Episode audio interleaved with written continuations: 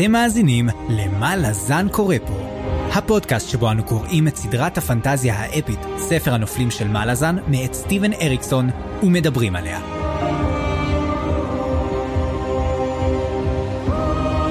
אני צפריר, ואני חיים. והיום פרק מספר 21, שבו נעסוק בפרקים 10 עד 13, ונסיים את אבן האח, החלק השני של זיכרונות הקרח, הספר השלישי בסדרה.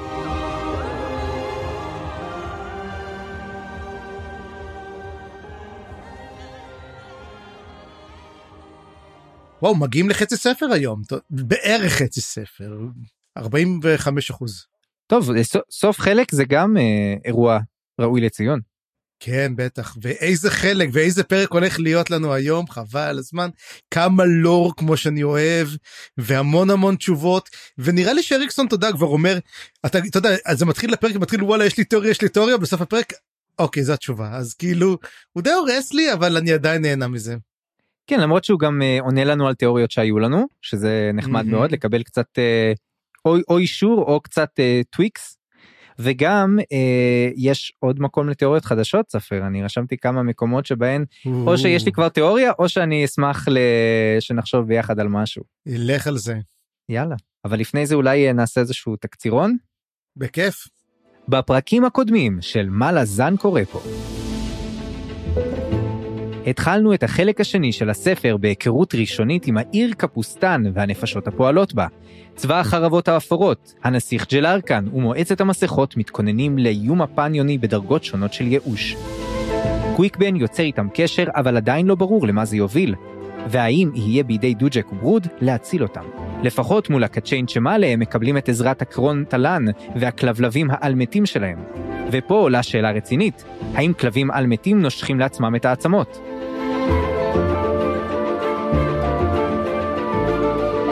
ובינתיים במחנה ברוד, וויסקי ג'ק והנומנדר fucking רייק יושבים לקפה ו fucking מאפה. זו כנראה תחילתה של ידידות מופלאה, או לפחות פיץ' לתוכנית בוקר שכולנו נשמח לראות. וטוק הצעיר נכנס עם ליידי קנאה וכל השאר לשטח הפניון. שם הם נלחמים בכהנים מרושעים ומגלים לראשונה את צבאות האמונה הפניונית. כאשר מתחיל סכסוך פנימי בדמות המון רצחני ומשולהב, טוק מחליט שזה הזמן לבקש מהנהג לרדת ולתפוס איתם טרמפ כל הדרך לקו החזית וצבא דוז'ק. בכל זאת, כמה עוד הטרדות אפשר לספוג לפני שחלאס? ומה עוד שכחתי? אה כן, קוויקבן מסתובב במשעולים מושחתים ואוסף מידע על היווצרות הגזעים, גרנטל וסטוני מגיעים לקפוסטן שבורים ואבלים, גתול הג'גהות מבצע שינוי מפתיע בקריירה שלו, ואנחנו מתים כבר לדעת מה הקשר בין האל הנכה לנביא הפניון. נסכם את הכל באמירה המסורתית. מה לזן קורה פה? נהדר. תשמע, אני חייב להגיד משהו בקשר לפרקים, מ-10 עד 13 כל הפרקים הם באזור אחד. זאת אומרת, אין לנו קפיצות יותר מדי, אתה יודע, בין מקום לשני. אם יש לנו קפיצות, זה קפיצות נורא קטנות בין אותו אזורים, אבל כל פרק הוא לגמרי self, self sufficient, כאילו, סגור בעצמו, וזה נהדר. self קולטיין כמו שאתה אוהב להגיד. self קולטיין, קולטיין, כן. אז בכיף, בוא נתחיל את הפרק העשירי, ובוא נתחיל שכבר האפיטף שלו, אפיגרף או אפיטף? אפיגרף, נכון? אפיגרף, כן. כן, אפיטף זה על מצבות אתה כותב. לא, או בסוף. גם בסוף טקסט, אפיטף זה גם בסוף אפיטף. טקסט. כמו אפילוג ופרולוג, כן. כן, אז, זה. אפיגר... אז האפיגרף הוא קודם כל מספר על הטיסטה. וזה וואחד לור ויש פה המון המון מידע. קודם כל לסיפור קוראים האגדות של אה, קילמנר ומי שכותב את זה זה אחד בשם סמון אימ- אימנן. סבון אימנן. סבון. סבון למה כתבתי בהם? סבון אימנן. אה, לא שמענו עליו עדיין לא יודע אם נשמע עוד עליו. אבל פה מדובר על האגדה של איך שנוצרו כל הטיסטות וזה נהדר. קודם כל אנחנו שומעים שהטיסטה הראשונים היו טיסטה אפלים של אם האפלה זה הטיסטה אנדי כמובן. הטיסטה השנים הטיסטה שנוצרו מן האור ופעם ראשונה יש לנו שם הטיסטה ליאנס. אמ, שזה כמו אליאנס רק של טיסטה. וזה נפלא, כי עד עכשיו השם, השם שאנחנו קראנו להם, שזה טיסטה איקס, פחות טוב. כן אמ, אני חושב להגיד שזה כמו שילוב של או שטיסטה ליאנס עושים צמיגים או שהם עושים בתי ספר. עדיין לא סגור. ואחרון והם בעצם אחרי שראו את האור אז חלק מהטיסטה אנדי כמובן ברחו מן העולם הם הגיעו אלינו אלינו לעולם של המלאזנים והשלישים הם שהקימה אותם הם האפלה היא יצרה בעצם את השלישים שזה הטיסטה אדור שהם נולדו בין האור והחושך אבל גם אומרים שהיה צל על הנשמות שלהם. וזה למעשה מן המיתולוגיה הגדולה הזאת של הטיסטה פעם ראשונה שהיא מסודרת כל כך כל כך יפה קיבלנו רמזים קטנים פה ושם אבל קשה להביא את הספר הזה כבר מהספר הראשון השני כאילו כמה קשה כמה פעמים חיפשנו טיסטה אדור ולא ואת מי כבר האשמנו בטיסטה אדור קראפ אני חושב בשלב מסוים היה טיסטה אדור. תראה טיסטה אדור האמת שכבר גילינו בספר הקודם אבל זה פעם ראשונה שאנחנו מגלים את מה שבעצם היה אפשר כבר לנחש ואני חושב שזה מאוד יפה אתה יודע סוג של זה זה קצת teasing אה, אין מה אין מה לומר אבל גם מצד שני זה. היה לנו ניחוש מושכל שיש כנראה עוד טיסטה נכון וזה דווקא היה הטיסטה היותר obvious. זאת אומרת הטיסטה הפחות obvious זה הטיסטה אדור. כי בעצם אה, הוא הטיסטה הממזרי אפשר לומר הזה שהוא מחבר בין האור והחושך היה קל לנחש שיש גם טיסטה אור נגיד ככה. כן אני חושב שזה היה ניחוש מושכל מאוד והוא באמת נסגר זה זה די ברור בגלל זה אחד הדברים שאני באמת אמרתי גם אנחנו לא יודעים אם יש האמת האם דרקונוס אותו אחד שמדברים הוא למעשה היה טיסטה ליאנס כזה. זאת אומרת זאת אה, תיאוריה בעצם כי הרי אה, קנאה אנחנו לא רואים שיש לה אור שחור. לא, לפחות לא מדובר על כך אין הם, אה, סיפור על כך ולכן אני חושב שיכול להיות שהיא בעצם גם כן יכול להיות שהיא תסטה יכול להיות שהיא תסטה גם היא גם קנאה עצמה שאלה טובה. או שהוא סוג של אל והמראה והצורה שלו פחות חשובים פה כמו אני לא יודע אפילו אם אפשר לומר שאם האפלה היא תסטה אנדי לא נראה לי. לא אני חושב שתיאם אני חושב שאם האפלה זאת תיאם. זה מה שאני אומר היא לא תסטה אנדי היא אלה. היא דרקון. והילדים שלה דרקון כן אוקיי אפשר לומר שהיא דרקון. אני אומר זה זה ההימור שלי ההימור שלי באמת אחרי שקראתי את זה לגמרי אמרתי רגע היא לא הייתה טיסטה אנדי בכלל הרי היא יצרה את האפלה. זאת אומרת משנה מי האבא פה לא משנה מי מי פה זה והיא כנראה הייתה משהו ניטרלי מאוד בגלל זה גם כן אנחנו דיברנו גם כן על על uh, אנדומנדרק שמחפש נחמה אצל סילנה. ואני חושב שסילנה יש סיכוי שהיא גם כן מין קרובת משפחה שלו מין בת דודה רחוקה בגלל זה אני גם ההימור שלי שאם האפלה זאת אה, תיאם הם פשוט קוראים לה אם האפלה אבל היא תיאם היא מלכת הדרקונים לא סתם אנחנו מקבלים את זה. אה, זה מסתדר לי מאוד רק עוד נקודה קטנה לגבי הטקסט הזה ספציפית מממ-הממ. אני אוהב שזה fables זה אלה אגדות בעצם זה דרך כזאת אה, שובבה של אריקסון בעצם להראות למה זה לא מידע שגור אולי בפני אנש, בפי אנשים אולי זה כזה אתה יודע זה אגדות מממ-הממ. לא מתייחסים לזה ברצינות אפילו החוקרים אולי מכירים את הטקסט הזה אבל הוא לא כזה רציני או שהם לא מכירים אותו כי הוא נמצא בכלל במחלקת ילדים. כן אהבתי גם את השימוש במילה פייבל זה, כמו אגדות עם. זה חלק מסינדרלה יש לך את הציסט אדור. זה גם כן אתה יודע זאת אגדה אנחנו לא רואים אותם. באמת חוץ מהטיסטה אנדי שבאמת הם מנהלים יש כמה סוגים של טיסטה אנדי אנחנו לא שומעים על הטיסטה ליאנס וטיסטה אדור זאת אגדה אנחנו בפרק הזה אנחנו עוד נדבר עליהם הרבה בגלל זה יש לנו פה את הדבר הזה אבל לקראת הסוף לקראת וואחד רבליישן ותיאוריה שלי. ועוד נקודה קטנה אני גם רוצה לומר שאולי טיסט ליאנס קשור גם לאוסריק לבית אור אולי שאלות כאלה זאת אומרת שוב יש פה הרבה שטח אפור קצת ואנחנו נצטרך לראות איך אנחנו מתבייתים לאט לאט על הדבר הנכון. כן השטח האפור זה של האדור לא של הליאנס כמובן כן, אבל כן, כן. סתם אבל אה, לא זה בדיחה גרועה זה בדיחת אבא נכון אבל מותר לי נראה לך שאני לא זה הרמה להנחתה וזאת הנחתה כזאת נוראית. כן. אני הנחתי בשטח שלי עכשיו בסדר. אבל אה, כן אני מאמין באמת שאוסריק אה, לגמרי טיסטליאנס שכבר זה הוזכר כמה פעמים והוא גם מכיר מאוד מאוד טוב את אנדומנדר רייק הוא גם רב איתו כמה פעמים. אז בוא באמת נתחיל את הפרק והפרק עצמו כולו דרך אגב מה שמעניין פה גם כן שכל פרק הוא גם באזור אחר לגמרי. אז נורא נורא היה כיף ככה לסיים את החלק. הפרק הזה זה הפרק בקפוסטן. ואנחנו מתחילים כמובן עם כל הנקודות השונות ואנחנו למעשה אנחנו נראה שתי נקודות מבט מאוד מעניינות הראשונה מגרנטל והשנייה מהחרבות האפורות ונתחיל בגרנטל. אז גרנטל כפי שאתם זוכרים ניצל מהקרב נגד הקצ'ן צ'מאלה ובא מחוסר הכרה ומה הוא עושה כמובן אחרי שהוא חוזר לחיים הדבר ראשון הוא מתחיל לשתות והוא משתכר ובעצם חווה חוויית אשמה של שורדים הכי גרועה שיש. הוא עובר את זה במשך שישה ימים, הוא לא מוכן לצאת, הוא שותה, הוא מתעלף, ובסופו של דבר הוא זוכה ל... בוא נגיד השכמת בוקר עם סתירה מצלצלת של סטוני, שתופס אותו ואומרת לו קום תתעורר אתה צריך כבר לצאת. מה קרה?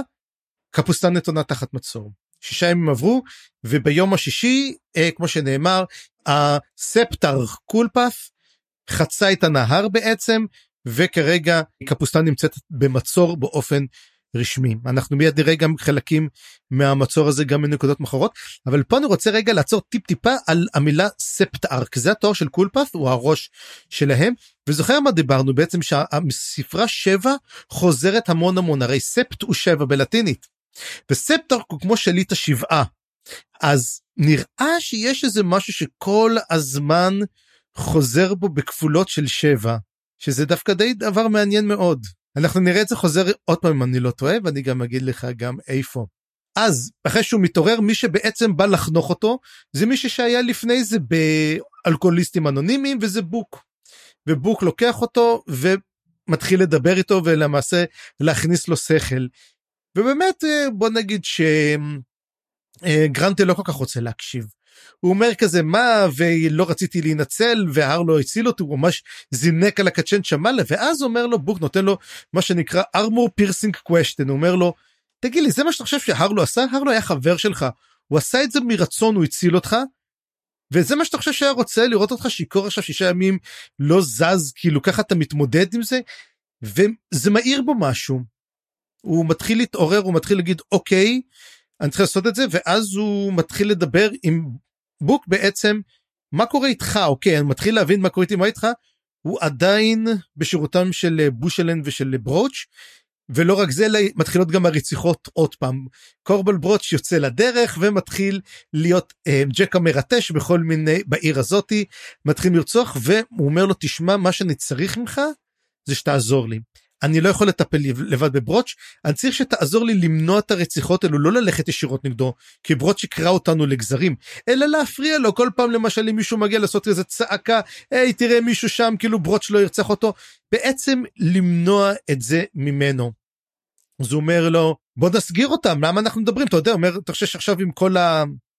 המצור הזה מישהו בכלל יטפל בהם אף אחד לא יטפל בהם ואז הוא אומר משהו מאוד מעניין ואז הוא אומר תשמע ברגע ששני המחשבים האלו יהיו עם הגב לקיר, הם הולכים לגמרי להרוג את כולם, אה, לא יהיה אפס, זאת אומרת, קפוסטן תרס מבפנים. הוא אומר בוא נעשה כזה דבר, בוא נחכה מספיק זמן עד שהפניונים ייכנסו כי אין לנו דרך לעצור אותם. בוא ניתן לפניונים להתמודד מול הזעם שלהם. ואז הוא אומר אוקיי אתה מבין זה מה שאני רוצה פה שנעשה אז כשגרנטל אומר אוקיי זה רעיון טוב הוא אומר לו בוא בוא בוא אני מכיר איזה כהן הוא ירפא לך את ההנגובר הזה לא תצטרך uh, להסתובב איתו יותר אחרי הבן אדם מאולף וזה למעשה הצצנה הראשונה שלהם אנחנו עוד נחזור אליהם אז uh, מה חשבת על זה?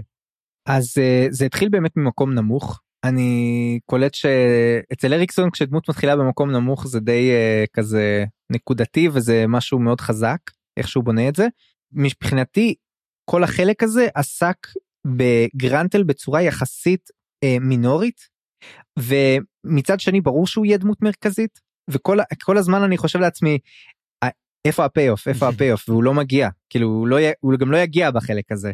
אז כאילו הקטעים האלה קצת היו לי מעצבנים אבל אה, אבל זה כן היה מעניין ואנחנו יש לי הרבה שאלות לגבי הסצנות הבאות שלהם. אין בעיה זה נקרא קרקטר דבלופמנט אתה יודע ככה הוא לא זה אבל רואים אגב זה יפה באמת לראות את uh, גרנטל כי הרי הוא הדמות שאיתה אנחנו פותחים את הספר. והוא כמו למשל שהתחלנו עם איקריום ומפו פעם קודמת בדרך כלל הדמות שאנחנו פותחים את הספר זאת הדמות שאנחנו רצים איתה פארן הייתה של הספר הראשון מפו ואיקריום פה ופה זה גרנטל וסטוני וכל החבר'ה וגם בוק מצטרף פה מעניין לראות בעצם לאיפה ייקחו אותם. כן רק אה, עוד שאלה. כל הקטע עם קורבל ברוץ' ו... מי הם מי בוש מי הם בושליין וברוץ' כאילו למה כל כך מפחדים מהם אנחנו הם ממש הוא מתייחס אליהם כאילו הם מינימום אה, אלים כאילו איך שממש מפחדים מהם. אה, זה גורם לי לחשוב כמה דברים שאולי הם באמת קשורים יותר לאל הנכה ממה שאנחנו חושבים. ודבר שני, למה הם דווקא פה? מה הם מחפשים? יש משהו שהם מחפשים, צפריר, ואולי זה קשור לדברים אחרים שמחפשים בעיר הזאת. יכול להיות אנחנו נראה באמת מה מגלים באמת בעיר מה מסתרה קפוסטן ואני לא חושב כל כך שהם קשורים לאל, לאל הנכה מסיבה אחת מאוד מאוד פשוטה האל הנכה מחפש מומים. כל מי שעובד אותו יש בו מום. בכל, חוץ מקורבל ברוץ' אולי כי הוא סריס אז זה יכול להיחשב כמום אז אני יכול לקחת את זה הלאה. בושלין לא מראה כל עיוות או כל נכות הוא גם אומר אל, אני לא מסתיר את הנכות אנחנו רואים גם את גטול גטול גם כן מעוות לגמרי והוא מציג את זה לראווה. אמ, דרך אגב זה אחד התיאוריות שאומרת לי שאני מתחיל קצת לחשוש מה יקרה עם טוק. שזה לא מוסבר פה זה לא מדובר פה אבל אני מאוד חושש לטוק הצעיר. אמ, אנחנו גם נראה מה יקרה עם טוק הצעיר אנחנו נבקר אותו קצת יותר מאוחר אבל פה אנחנו הולכים לראות בעצם לחרבות האפורות ולאיתקוביאן אז אם בפעם הקודמת התחלנו עם קרנדס שמסתכל על החומות הפעם זה איתקוביאן אותו Shield Anvil שמסתכל מעל החומות והוא רואה את כל הצבא הפניוני מגיע. יש ויש פה תיאור מאוד ארוך ומאוד מאוד מייגע אני חייב להגיד של כל הכוחות שלהם מה הכוחות שלהם יכולים לעשות ואיך קוראים להם ויש להם אורדומן ובלקליט וברקליט ואחד זה פרשים כבדים אחד לא אין להם פרשים סליחה פרשים אין להם. אחד זה לוחמים כבדים אחד זה לוחמים פחות כבדים הם עושים ככה.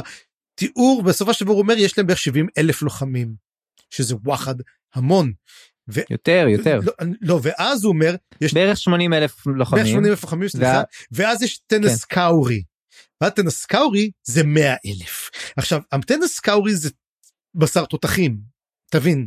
זה אנשים בוא נגיד איכרים כפריים תושבי ערים אנשים שלא עשו עד לא לוחמים אתה יודע מיומנים זה לא צבא זה לא צבא מה שנקרא רגולר זה רגולרס והם פשוט זה the walking dead כזה. The walking dead הם, הם, הם, כן הם פשוט באים ושוחטים כל מה שבדרכם. צמאי דם פסיכוטיים לחלוטין וזה 100 אלף זאת אומרת יש פה 180 אלף זה אמנם חי אבל זה לא בשבילהם הייתי אומר והמצב מאוד מאוד קשה הוא מסתכל פה בעצם ויטקובן אומר אמ, במילים אחרות we are fucked אבל הוא לא אומר את זה. במילים אלו ואז הוא אומר טוב אנחנו הולכים בעצם הוא הולך להצטרף הוא יורד והוא הולך למס, למועצת המסכות. הם הבטיחו לשני הברגהסטים ששרדו להיטן וכפל הבטיח להם להציג אותם לתת להם introduction למועצת המסכות וזהו זה. כי הוא כל הזמן שואל אותם מה אתם רוצים? אתם מבקשים שאנחנו נציג אתכם? מה אתם רוצים? והיטן אומרת לו אני לא הולכת לספר לך אז הוא אומר אז אל תצפי ממני גם לתמוך בך. וזה בסדר הם מתחילים לדבר הם, קצת על ה... הם בדרך שהם הולכים למועצה ואז יש את הקטע היטן כמובן היא מיוחמת כמו אני לא יודע מה היא רואה את קרנדס ואומרת לו הלילה אתה בא למיטה שלי. אז הוא אומר לה אבל גברת אני אני Destriant אני לקחתי שבועות נזירות ממש paladin לגמרי אז היא אומרת לו אוקיי זה מה שאתה אומר כי בא, שמעתי את ה... שבועות זה לא קיר. כן לא הוא אומרת לו שמעתי את הדעה שלך הבנתי. בוא נסכים שלא נסכים וחכה עם זה חכה עם זה וכפל אומר לו אתה, הסתבח, אתה לא יודע אם הסתבכת. אה, זה מצחיק זה אח שלו בתכלס אז קצת מצחיק לראות את זה וברוקליאן אומר להם תשמעו הטלנימאס דיברתי איתם והגעתי איתם להסכם. הם הולכים לטפל בכל הקצ'יין צ'מאלה אבל לא בשום דבר אחר מכיוון שהם מטפלים רק בעל מתים הם אומרים מלחמות של על מתים בעל מתים אנחנו מקבלים הם לא הולכים להילחם נגד הפניון. ואז הוא אומר ויש פה עוד בעיה אחת אנחנו לא יכולים להסתמך עליהם כי כל רגע הם יכולים להגיד אופס יש לנו התאספות אז הם תמתינו לנו בסיבוב וללכת זאת אומרת הם ממש נשנים על משענת קנה רצוץ שזה הקורונטה לנימאס וכפי שאנחנו נראה המצב אה, לא בטוח שבאמת הם יישארו גם כן עד הסוף ואז אומרים טוב ואז אומרים טוב אז רגע זאתי שמזמנת אותם מה המרחק שלה כי הם יכולים לראות את המרחק ולדעת מתי הצבא של ברוד עומד להגיע ואומרים יש לנו שישה שבועות.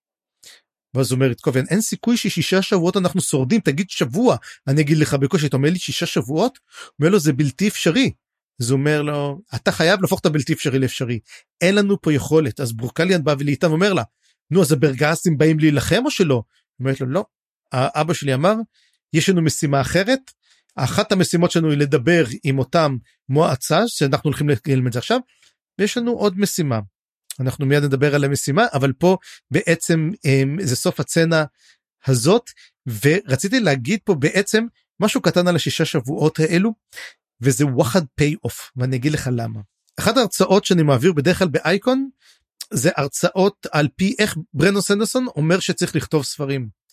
ואחד הדברים שהוא מדבר עליו הוא מדבר על ההבדל בצנות של הסרטים אמנם של אה, ש, של בש, בשר הטבעות אחת זה הצצנה של הלמס דיפ בסוף הסרט השני והשנייה זה הקרב אה, שהיה על אה, מינס טיריס.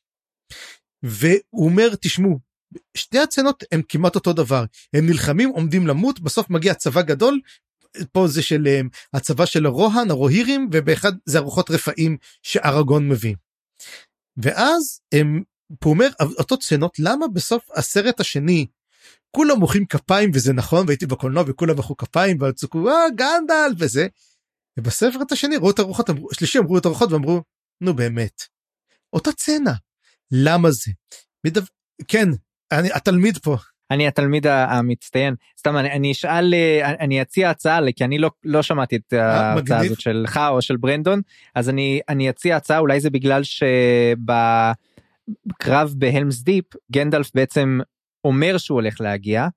הוא אומר אה, תחכו לבואי ביום ה... on the first light and the third day משהו כזה ו to look to the east uh, והשאלה הניחוש שלי זה שזה קשור לציפייה שלנו כאילו יש לנו איזושהי ציפייה ואז תוך כדי הקרב אנחנו פשוט לא לא זוכרים את זה כי כבר עמוק בתוך הקרב קשה כבר לזכור ש, שהוא מגיע ואז כשהוא מגיע זה באמת אה, יש בזה קתרזיס אבל אה, אולי נכון מה אתה, אתה מה... צודק לגמרי העניין הוא פה כן העניין הוא פה שאתה צריך לייצר ציפייה כלשהי אתה נותן טווח הוא באמת אמר on the third day look to the east first light ובאמת מה שהוא אומר להם כן. זה לא תחכו ויהיה בהצלחה. אומר להם חכו שלושה ימים אתם צריכים לשרוד שלושה ימים. ובאמת אתה סופר את השלושה ימים האלו שזה יום ועוד יום. ואתה אומר ומגיע לילה והם שוברים את החומה ומסתתרים בתוך המצודה הזאתי ואתה אומר הם יצליחו לא יצליחו יצליחו לא יצליחו.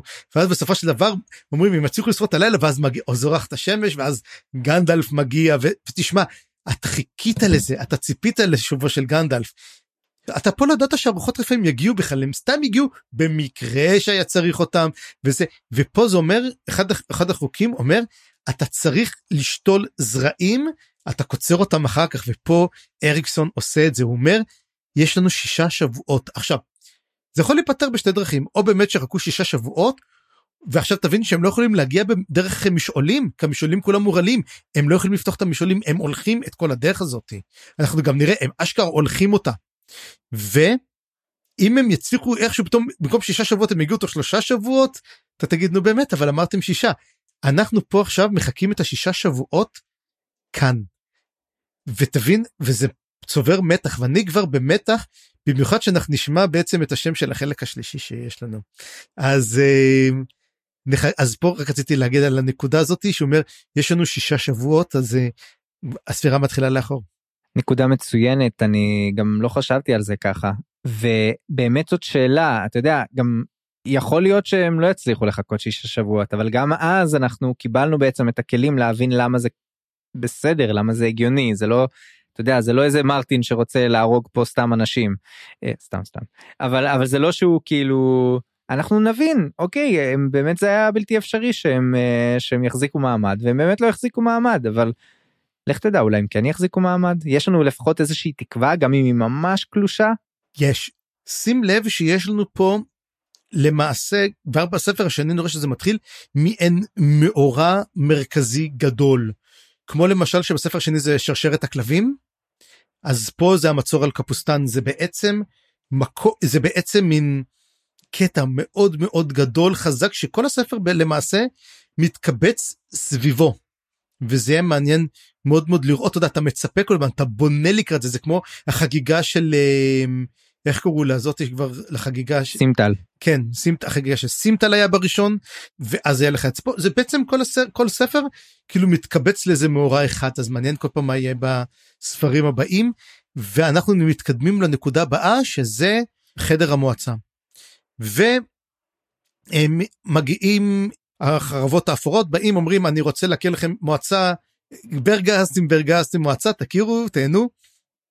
ואז אומרים להם אתה תומך בהם הוא אומר לא אנחנו הצגנו אנחנו עכשיו עומדים בצד משקיפים ועומדים בצד ואז איתן נכנס לחדר וישר אומרת הפנים הלבנות באבל וכולם נועה יברוך. פתאום מתחילים לצעוק כזה זה כמו מזכיר הזכיר לי את הכנסת אתה יודע שפתאום איזה מישהו אומר משהו מה חבר הכנסת וזה? ככה הם פשוט מתחילים לצעוק ומתחילים uh, לכעוס. למה זה? מה קרה? מתברר שזו טענה עתיקת יומין של הברגה ההסטים שהם מתחילים תמיד שהבנים הלבנות באבל.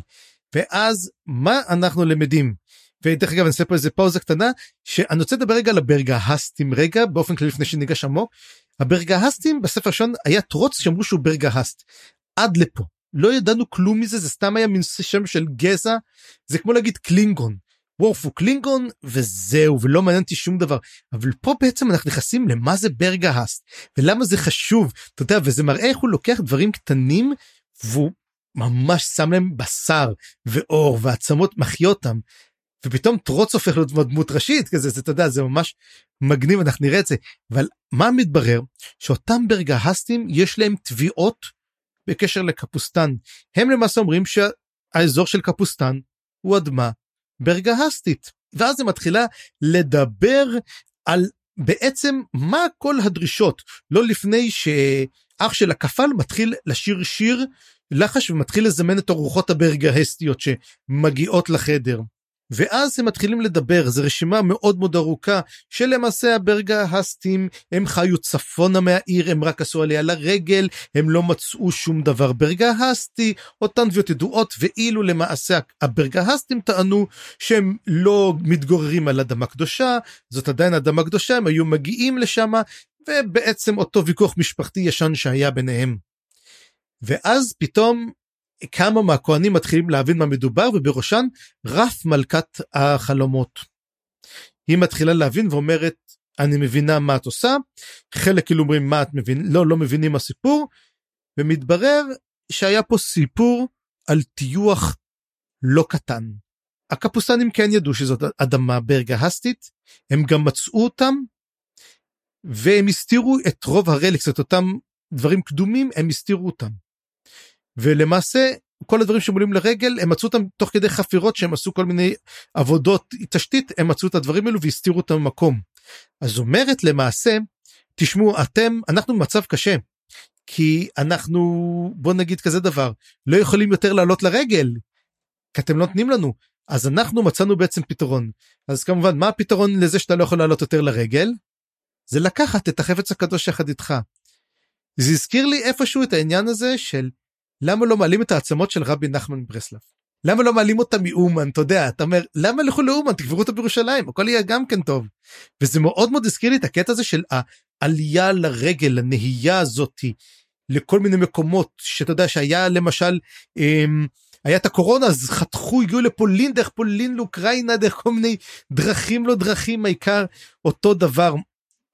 ופה אבל למעשה הקפוסטנים כן מודים ואומרת אנחנו ניתן לכם למעשה את מה שאתם מחפשים ואז יוצאים שומרים וכשהם חוזרים הם באים עם מקושים ומתחילים לשבור את הרצפה בחדר מועצה. ומתברר שכל הדברים קבורים בעצם מתחת. מה חשבת על הקטע הזה היה קטע מדהים. קטע מדהים באמת ואני יוצא מה, מהדבר הזה עם מחשבה שיש פה מקום לתיאוריה שאולי הברסלבים הם ברגהסטים אפילו זה אותם שמות זה מתחיל זה ברגהסים ברסלבים. נכון מדהים. ותראה סתם אבל אבל אה, כל הסצנה הזאת הייתה מאוד חזקה כי גם יצא לנו תוך כדי להבין קצת את המבנה של המועצה הזאת שלא ידענו עליה יותר מדי עד כה. קצת הדרכים שבה הם, מדברים בינם לבין עצמם זאת אומרת המועצה היא היא מוסד דפוק כי גם בתוכו יש להם חוסר אה, הבנות וחוסר הסכמות ויש היררכיות כוח כנראה. אה, זה לא שזה המועצה נגד כל השאר יש פה גם בתוך המועצה כל מיני בלאגנים זה דבר ראשון. דבר שני אתה זוכר שבפרק הקודם דיברנו על העיר ואמרנו שיש בה כל מיני מבנים מוזרים וכאלה דפרל, אז לא כן. קיבלנו על זה תשובה בדיוק אבל קיבלנו על זה סוג של הבנה שיש לעיר הזאת שכבות כמו שהיה לדרוג'יסטן שכבות וכמו שהיה לה הסבר על איך היא קמה וכל הדברים המיוחדים שיש בה גם פה זה כאילו פאקינג בית קברות אינדיאני מתחת ל... מתחת לאדמה ו... וזה משפיע מאוד על אה, כנראה העיר והאופי שלה ואיך שהיא קמה וכמו שאמרו גם רגע רגע רגע אתם רוצים לקחת כל דבר קטן שיש פה שמצאו פה שרידים אתם תצטרכו להיכנס לכל בית בכל בית יש איזושהי אורנה או משהו כזה. באמת לא לא לא לא לא מה שאני מתכוונת זה מה שאספו ושמו בתוך אה, מבנה אחד. אבל איך תדע יכול להיות שיש בה עוד דברים מיוחדים כאלה. מעניין. תשמע זה מה שגם כן יש את המבנה המוזר שהפך להיות ארמון שקוראים לו The Thrall העבד.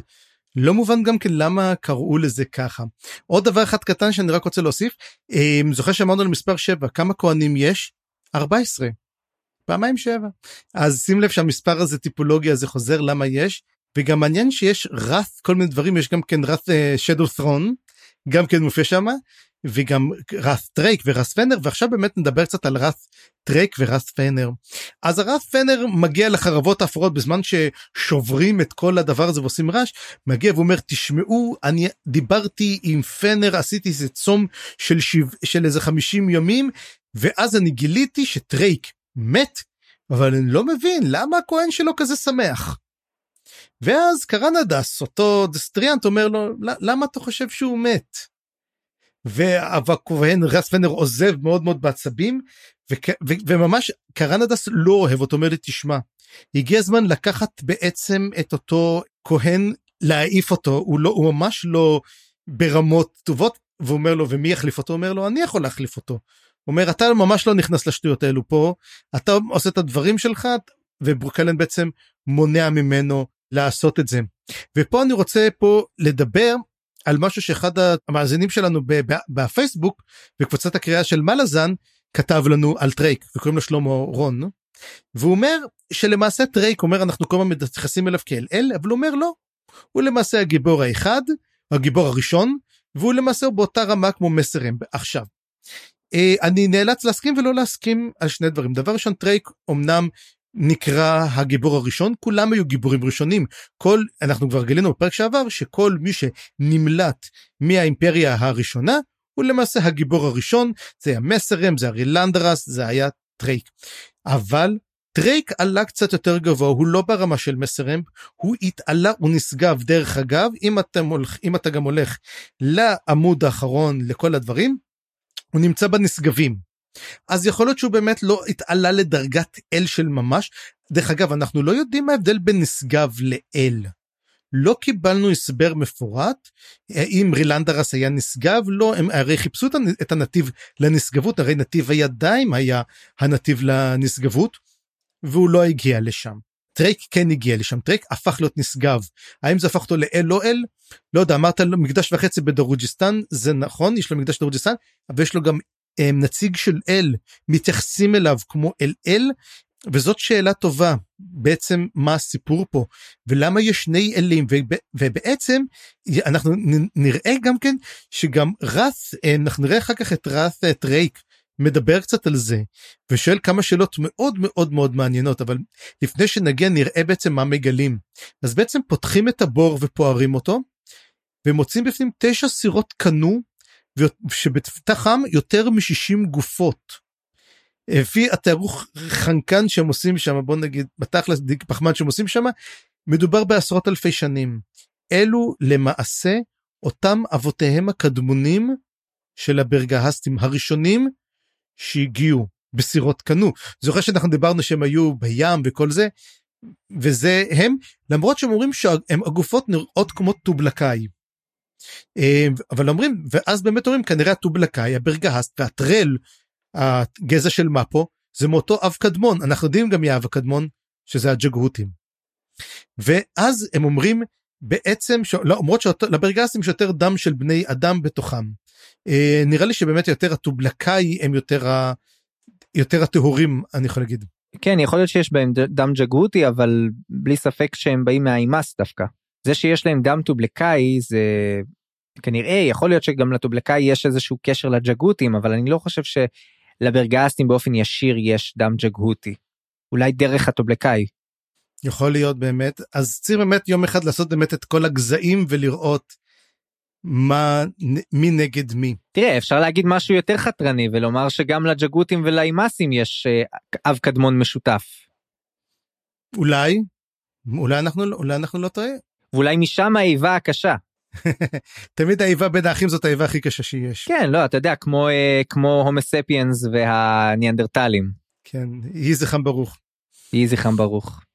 ואז מה שקורה מדבר, בעצם מבינים שהם רואים את הרוחות המייסדות של הברגה האסטים ואז אומרים להם תסתכלו אתם חוזים בלידת אלים. אם אתם זוכרים כל מה שעשה בעצם קוויק בן לפני זה שהוא התחיל לעשות פה בעצם הברגאסטים מתחילים לקבל את, את האלים שלהם הרי לא היו להם אלים לפני כן. כי בגלל שהם גם כן כל הרוחות למה הם בעצם עצרו את הרוחות? כי וזה מסביר למה לברגהסטים למה הם קוברים את האנשים שלהם עם עצים הפוכים. הרי כל אל אוסף את המאמינים שלו. אצל הברגסטים אין להם אלים הם לא אוספים אותם. השאלה אם הם באמת אוספים אותם או מלווים אותם. אנחנו לא יודעים זאת השאלה פה בעצם שלך חיים זאת השאלה הנהדרת. האם הוד קיים? שזאת אולי השאלה ה...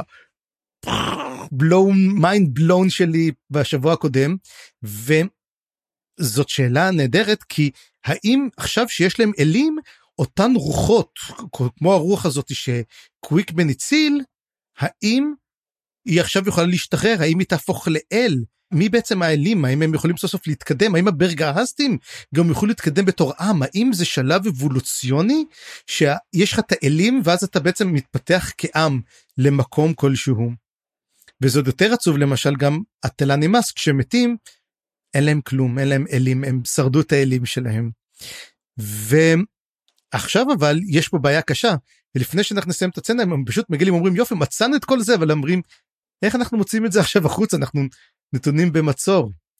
ואנחנו נעבור לצנע הבא אם יש לך משהו להגיד בעצם על כל התגלית הזאת. כן רק נקודה קטנה שאני לא בטוח מי רצה שקרנדס יחליף את רטפנר ומי לא הסכים אני אני הבנתי שרט, שקרנדס בעצמו לא הסכים לעשות את זה. לא קרנדס הוא זה שרוצה. שלי. קרנדס עצמו רוצה את זה ברוקל, אה, ברוקליאן אומר לו אתה לא עושה את זה לא מתקרב טוב, לשם. אוקיי אה, אז יכול להיות שטעיתי ברישום שלי פה. והייתה לי נקודה על מקודם רק על הקטע הזה שאיתן כל הזמן אה, שולחת לו רמזים ורק רציתי לומר לגבי ה-advances להיכנס למכנסיים של קרנדס זה היה קצת מטריד קצת creepy כאילו אני מבין את הקטע אני חושב אני זה גם uh, קצת נותן לנו טיפה יותר uh, דמות מעניינת ועגולה וגם קצת uh, אולי קטע ברגאסטי כזה אנחנו אולי נראה גם דברים שקשורים לזה במחנה הברגאסטים בהמשך. אבל מצד שני היה בזה משהו קצת קריפי במיוחד כי אם תנסה לדמיין שזה היה הפוך כאילו אם זה היה גבר שעושה דברים כאלה אז זה היה נראה לי צובע את הסצנה בצורה הרבה יותר uh, קשה למרות שמצד שני אני לא חושב שזה כל כך מציק לקרנדס כאילו נראה לי הוא כזה הוא יותר נבוך מאשר מוטרד לך תדע כאילו הבן אדם אולי גם לא יש אה, כל מיני יצרים שהוא רוצה לספק אבל אבל כאילו זה קצת לא ברור שהוא בקטע בכל הסיפור הזה במיוחד בהמשך אנחנו נראה את זה. כן למרות שגם נראה שאם קרנדס לא בא מישהו אחר יבוא במקומו. לא זה בסדר אבל זה מבחינת איתן אבל זה לא מבחינת אה, קרנדס שהוא אה, כאילו לא משאירים לו הרבה ברירה פה. כן. אז אנחנו מגיעים לצנע אחת חוזרים אה, בחזרה לסטוני וגרנטל. וסטוני הפעם גוררת את גרנטל ואומרת לו שמע אתה צריך ללכת להתנצל בפני קירולי. ואז הוא אומר לו אני לא מוכן אני לא מתקרב אליו אני לא עושה את זה. זאת אומרת לו בוא נספר לך קודם כל מה קירולי עשה ופה זה באמת הדבר מאוד מאוד מעניין היא אומרת שלמעשה קירולי שאב אותם לתוך משעול קדמון ככה שהם נראו חולמים הם יכלו לחלום ולישון בתוך החלום ולמעשה קצ'ן שמאלה חשבו שהם מתים. אז הם פשוט עזבו אותם הם הרגישו אותם כאילו מתים הם עזבו אותם וזאת הסיבה היחידה שניסו למעשה קירולי הם הציל אותם. הציל אותם ממוות אבל היא אומרת שמה שהיא זוכרת היא אומרת לו אתה זוכר מה שאומר לה לא אומרת לו אני זוכרת שזאב גדול שמר עליי במהלך שישנתי. אז הוא אומר לה מה יש לו גם משרתים של זאבים אז היא אומרת לו לא אין לו משרתים אבל מה שיש לו יש לו חברים. עכשיו אתה חושב שזה היה בלג'אג או שזה היה אחד מהאיי של אה, מטלאן אימאס מי זה היה הזאב הזה ששמר עליה הכי הגיוני שזה בלג'אג אבל מתי הוא הספיק זאת השאלה. או שזה גרס לך תדע. גרס הוא לא כלב גדול? שניהם הלא הוא איי לא אחד איי ואחד כלב גדול. אני חושב שגרס הוא כלב גדול. זאת שאלה גם כן שאלה מעניינת ולאחר מכן היא אומ- אומרת לו בוא יש מקדש הוא בעצם קראו לי הקים מקדש והיא אומרת לו דרך אגב אני גם כן em, כל מי שמציל אותי ככה הוא חבר שלי ואני גם כן סוגדת ולמעשה אה, סטוני הופכת להיות מין לא אגיד כהנת אלא מתלמדת מין חניכה של em, והוא לוקח אותו ואז אומרים לו אה בוא תראה וזה זה הקטע קצת כזה לא מעיק וזה בטח תשמע יש עכשיו um, המקדש זה בית שהוא קנה אותו בזיל הזול למה? כי משפחה שלמה התאבדה בו והיא קידשה אותו בדם שלה ולכן um, הוא עכשיו הוא יכול להתגורר פה כי זה מקום קדוש. ואז הם מדברים אפילו גם כשזה כתוב אתה רואה את האישה האימא אתה רואה היא זחלה פה את כל הדבר הזה בעצם וזה באמת אתה יודע אולי בעצם אז ההתאבדות לא הייתה כזאת מוסכמת על ידי כולם. מה שמראה שזו הייתה סצנת טבח נוראית. והאמת אבל אמרנו ק- קרול מחפש דם. אבל אז אומר למעשה אה, קרולי בא ואומר זה בסדר אני שלחתי את כל המשפחה הזאת למנוחה וכל הנשמות בסדר. ואז גרנטל באמת אומר לו טוב תשמע אני באמת אה, מתנצל הייתי לא בסדר. אז אומר לו קרולי בסדר אבל יש עוד דבר שאני צריך שתעשה אני צריך שתעזור לבוק. ואני אתן לך משהו. והוא נותן לו ציפור חמר קטנה ואומר לו תיתן את זה לבוק. ובוק מה שהוא צריך לעשות זה לשבור את הציפור לערבב את זה עם מים ולשתות. ואם הוא לא יעשה את זה מישהו רודף אחריו זה כנראה כל כל בורות שאנחנו יודעים הוא יברח ממנו. אז הוא אומר לו אוקיי זה קצת מוזר כזה אבל הוא אומר אוקיי אני אעשה את זה והוא עוזב.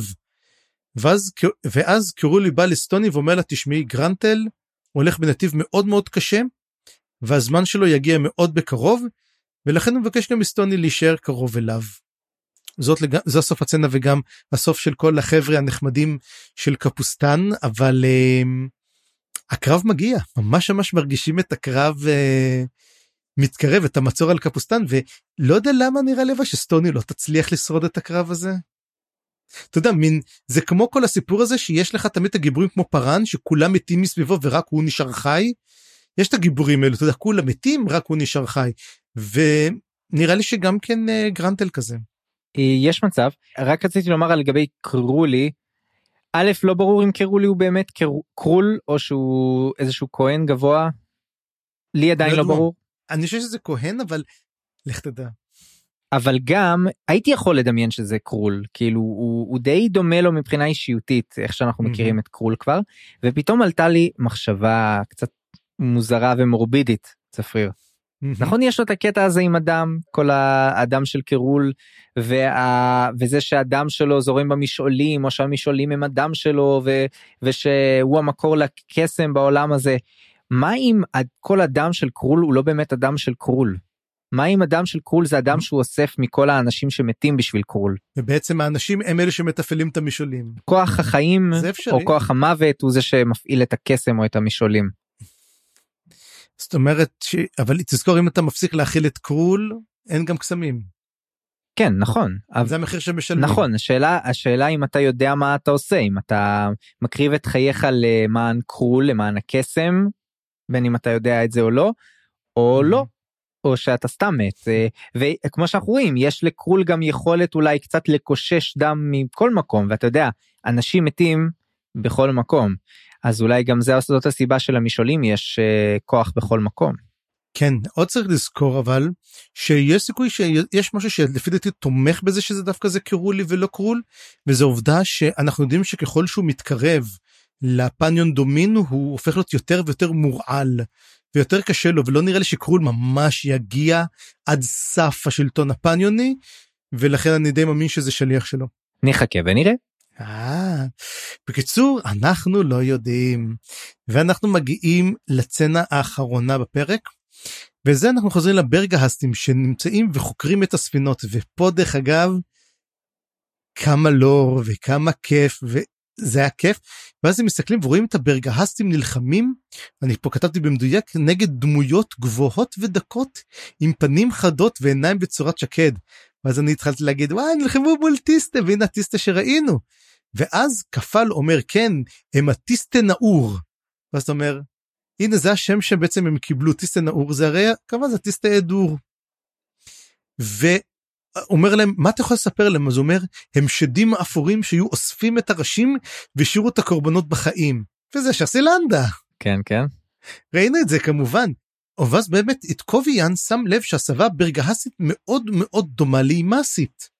הרי אמרנו כמו שאמרת גם כן שהרי הברגסים יצאו מהאימאסים אז הוא אומר להם אז הוא אומר רגע אתה מבין מורנטית? ואז כפל מאשר משהו שלא ידענו שהמורנט הם למעשה אופשוט של הברגהסטים שהם קוראים לעצמם הנופלים. שמצאו לעצמם יער צללים לחיות בו ואימצו את האלכימיה של הטיסטה אדור. ושאומרים גם שהם נלחמו נגד הטיסטה אור אז שאלו אותם מה קרה איתם אז הם אומרים דבר מעניין אמרו הם נלחמו נגדם נגד העולם התחתון וגירשו אותם ליער הצללים. ואז הם מתחילים לדבר ואומרים תשמעו יש שמועות על יבשת שנמצאת דרומה מכאן מאוד מאוד רחוקה שמשם יש טיסטה אדור. אז אומרים יכול להיות שגירשתם אותם לשם?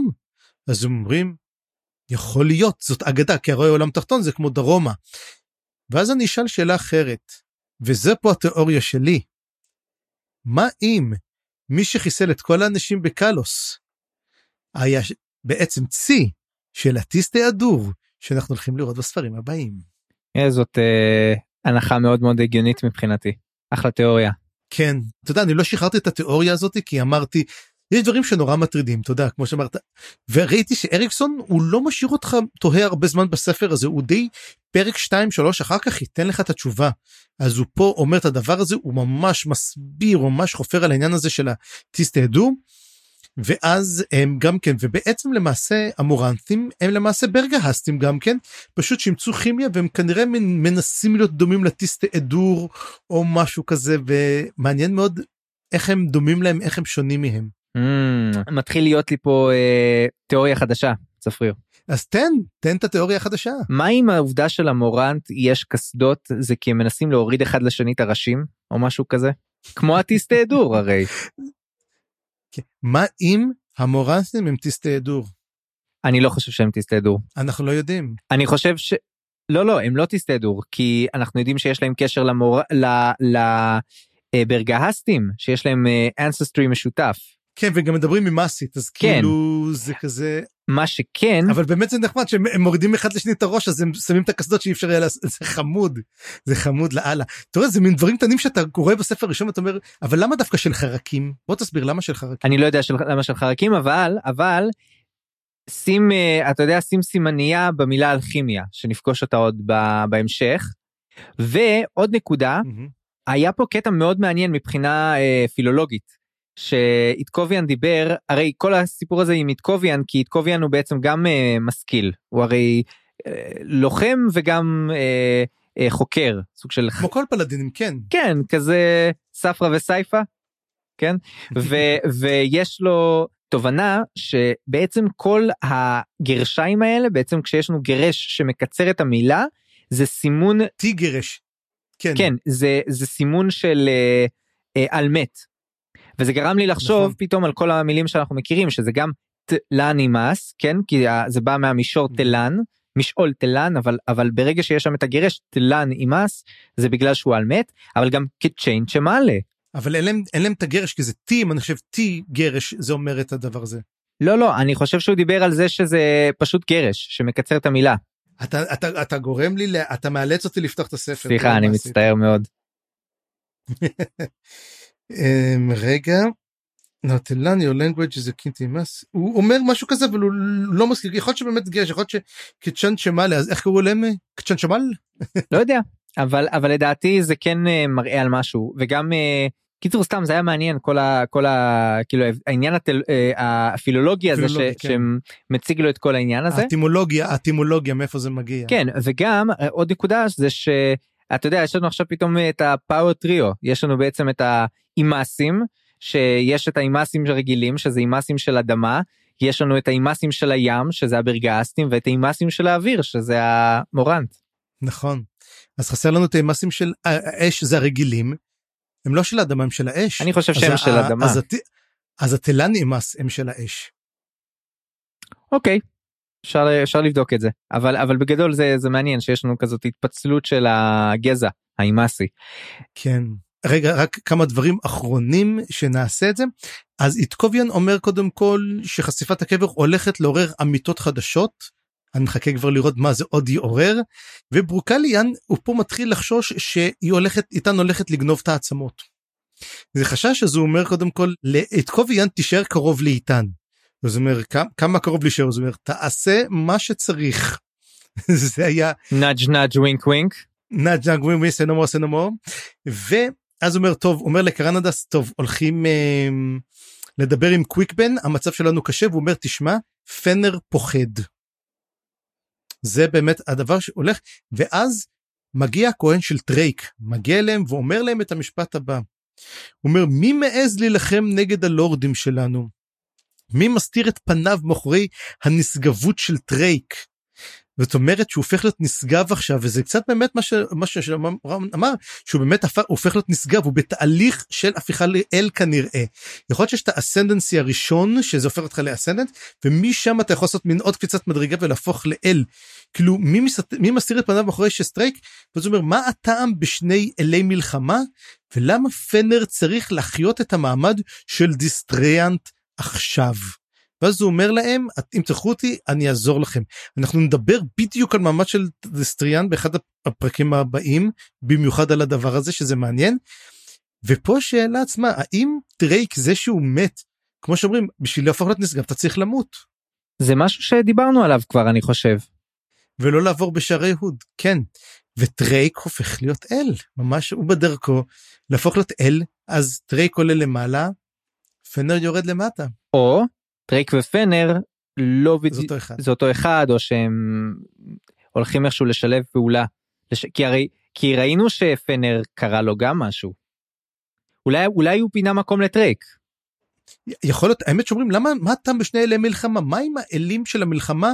לא תמיד אחד מת ואחד עולה. זה מין מעגל כזה שחוזר לעצמו אחד חי ואחד מת וכל פעם בעצם זה מין שרשרת ארוכה שעושה את זה ומכיוון שפנר ידע שמשהו הולך לקרות אז טרייק קיבל כביכול את התפקיד וזאת השאלה למה בעצם אבל, אומר, אבל מי מסתיר את פניו מאחורי הנשגבות של טרייק זה לגמרי לפי דעתי אל הנכה עשה את זה. יכול להיות וגם העניין הזה של אה, כמו ברן וקרול שהם אה, בעצם כמו נדנדה אחד עולה השני יורד. Mm-hmm. גם שם יש את העניין הזה. כן ובעצם הפרק נגמר כשאיטקוביאן עוזב את המקום אבל הוא אומר לעצמו שהוא מרגיש שהאדמה רועדת מתחתיו. וזה האחרון שאנחנו נשמע בינתיים על קפוסטן יש לנו פה הרבה דברים אחרים לדבר עליהם. אבל וואו אני כבר מחכה כבר תשמע אם יש קרבות שאתה מחכה אני מחכה לקרב על קפוסטן. כן אני לא חושב שנתאכזב פה. טוב יאללה נצלול לפרק 11. טוס על זה.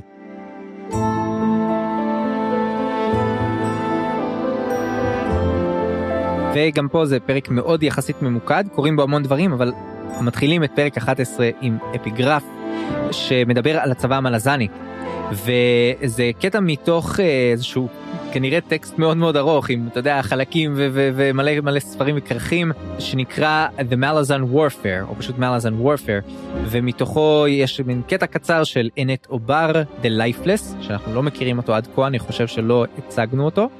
שמדבר באמת על, על הצורות אה, הלחימה והטקטיקות והאסטרטגיות המלזניות והוא מתמקד במיוחד בעובדה שיש איזושהי מין אה, מחש... אה, מין אה, דעה רווחת שהיכולת של הצבא המלזני בעצם להתאים את עצמו לכל מיני צורות לחימה זה המקור לכוח שלו אחת. אחת הנקודות החוזקות אצלו אבל בעצם מה שעומד מאחורי זה הוא אומר זה דווקא היכולת של הצבא המלזני תמיד לדבוק בעקרונות המנחים העיקריים שלו שהם תמיד לא משתנים. הם אותם עקרונות הם קשורים מאוד להנהגה שלו ועל השרשרת הפיקוד וההיררכיה וכולי כל הדברים האלה. אבל זה גם מחוזק מהעובדה שהצבא המלזני יודע להעריך נכון ולנתח את שיטות הלחימה שנגדם הוא נלחם. ולדעתי זה קריטי לצבא אימפריאלי, כי בעצם הוא הולך לפגוש המון צבאות, ולכל צבא יהיה את השיטות לחימה שלו. וזה היה קטע כזה, אתה יודע, קראתי אותו בהתחלה, לא הבנתי למה הוא כזה מעניין, לא הבנתי מה הוא כזה, זה נראה משעמם כזה, טקסט צבאי או היסטורי וכולי, אבל נראה עוד מעט בפרק שזה ממש ממש קלאסי, אתה יודע, רמיזה למה שיהיה נראה טוב בהמשך, בדו קרב שיהיה, ולדעתי זה ממש מגניב שככה שותלים לנו רמזים כאלה.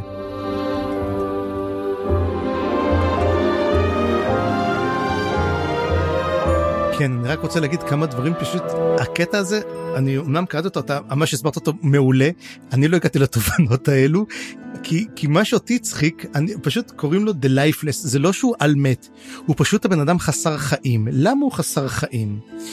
אם תשים לב, זה, מה שמדובר פה זה אבסטרקט, זאת אומרת זה התקציר בתחילה לפני שהתחיל. זה מתוך חלק 27, מתוך ספר שביעי, כרך תשיעי, שעליו הוא מדבר רק על על איך זה מה שנקרא על מאמר בן 13 עמודים והוא כתב על איזה ספרים. עכשיו גם צריך לקרוא את, את המאמר המאמר הזה הוא כתוב בצורה אקדמית יבשה נוראית נורא מליצית המון המון אדבר ואדג'קטיב הוא אומר למשל behind the illusion of malability remain the supremacy. אתה יודע כל מיני דברים כאלו. הוא זה, זה פשוט קטע נורא קורע אתה יודע. כאילו כולם דיברו על זה אבל והחסר חיים זה פשוט הנהון לכל חבריי מהאקדמיה.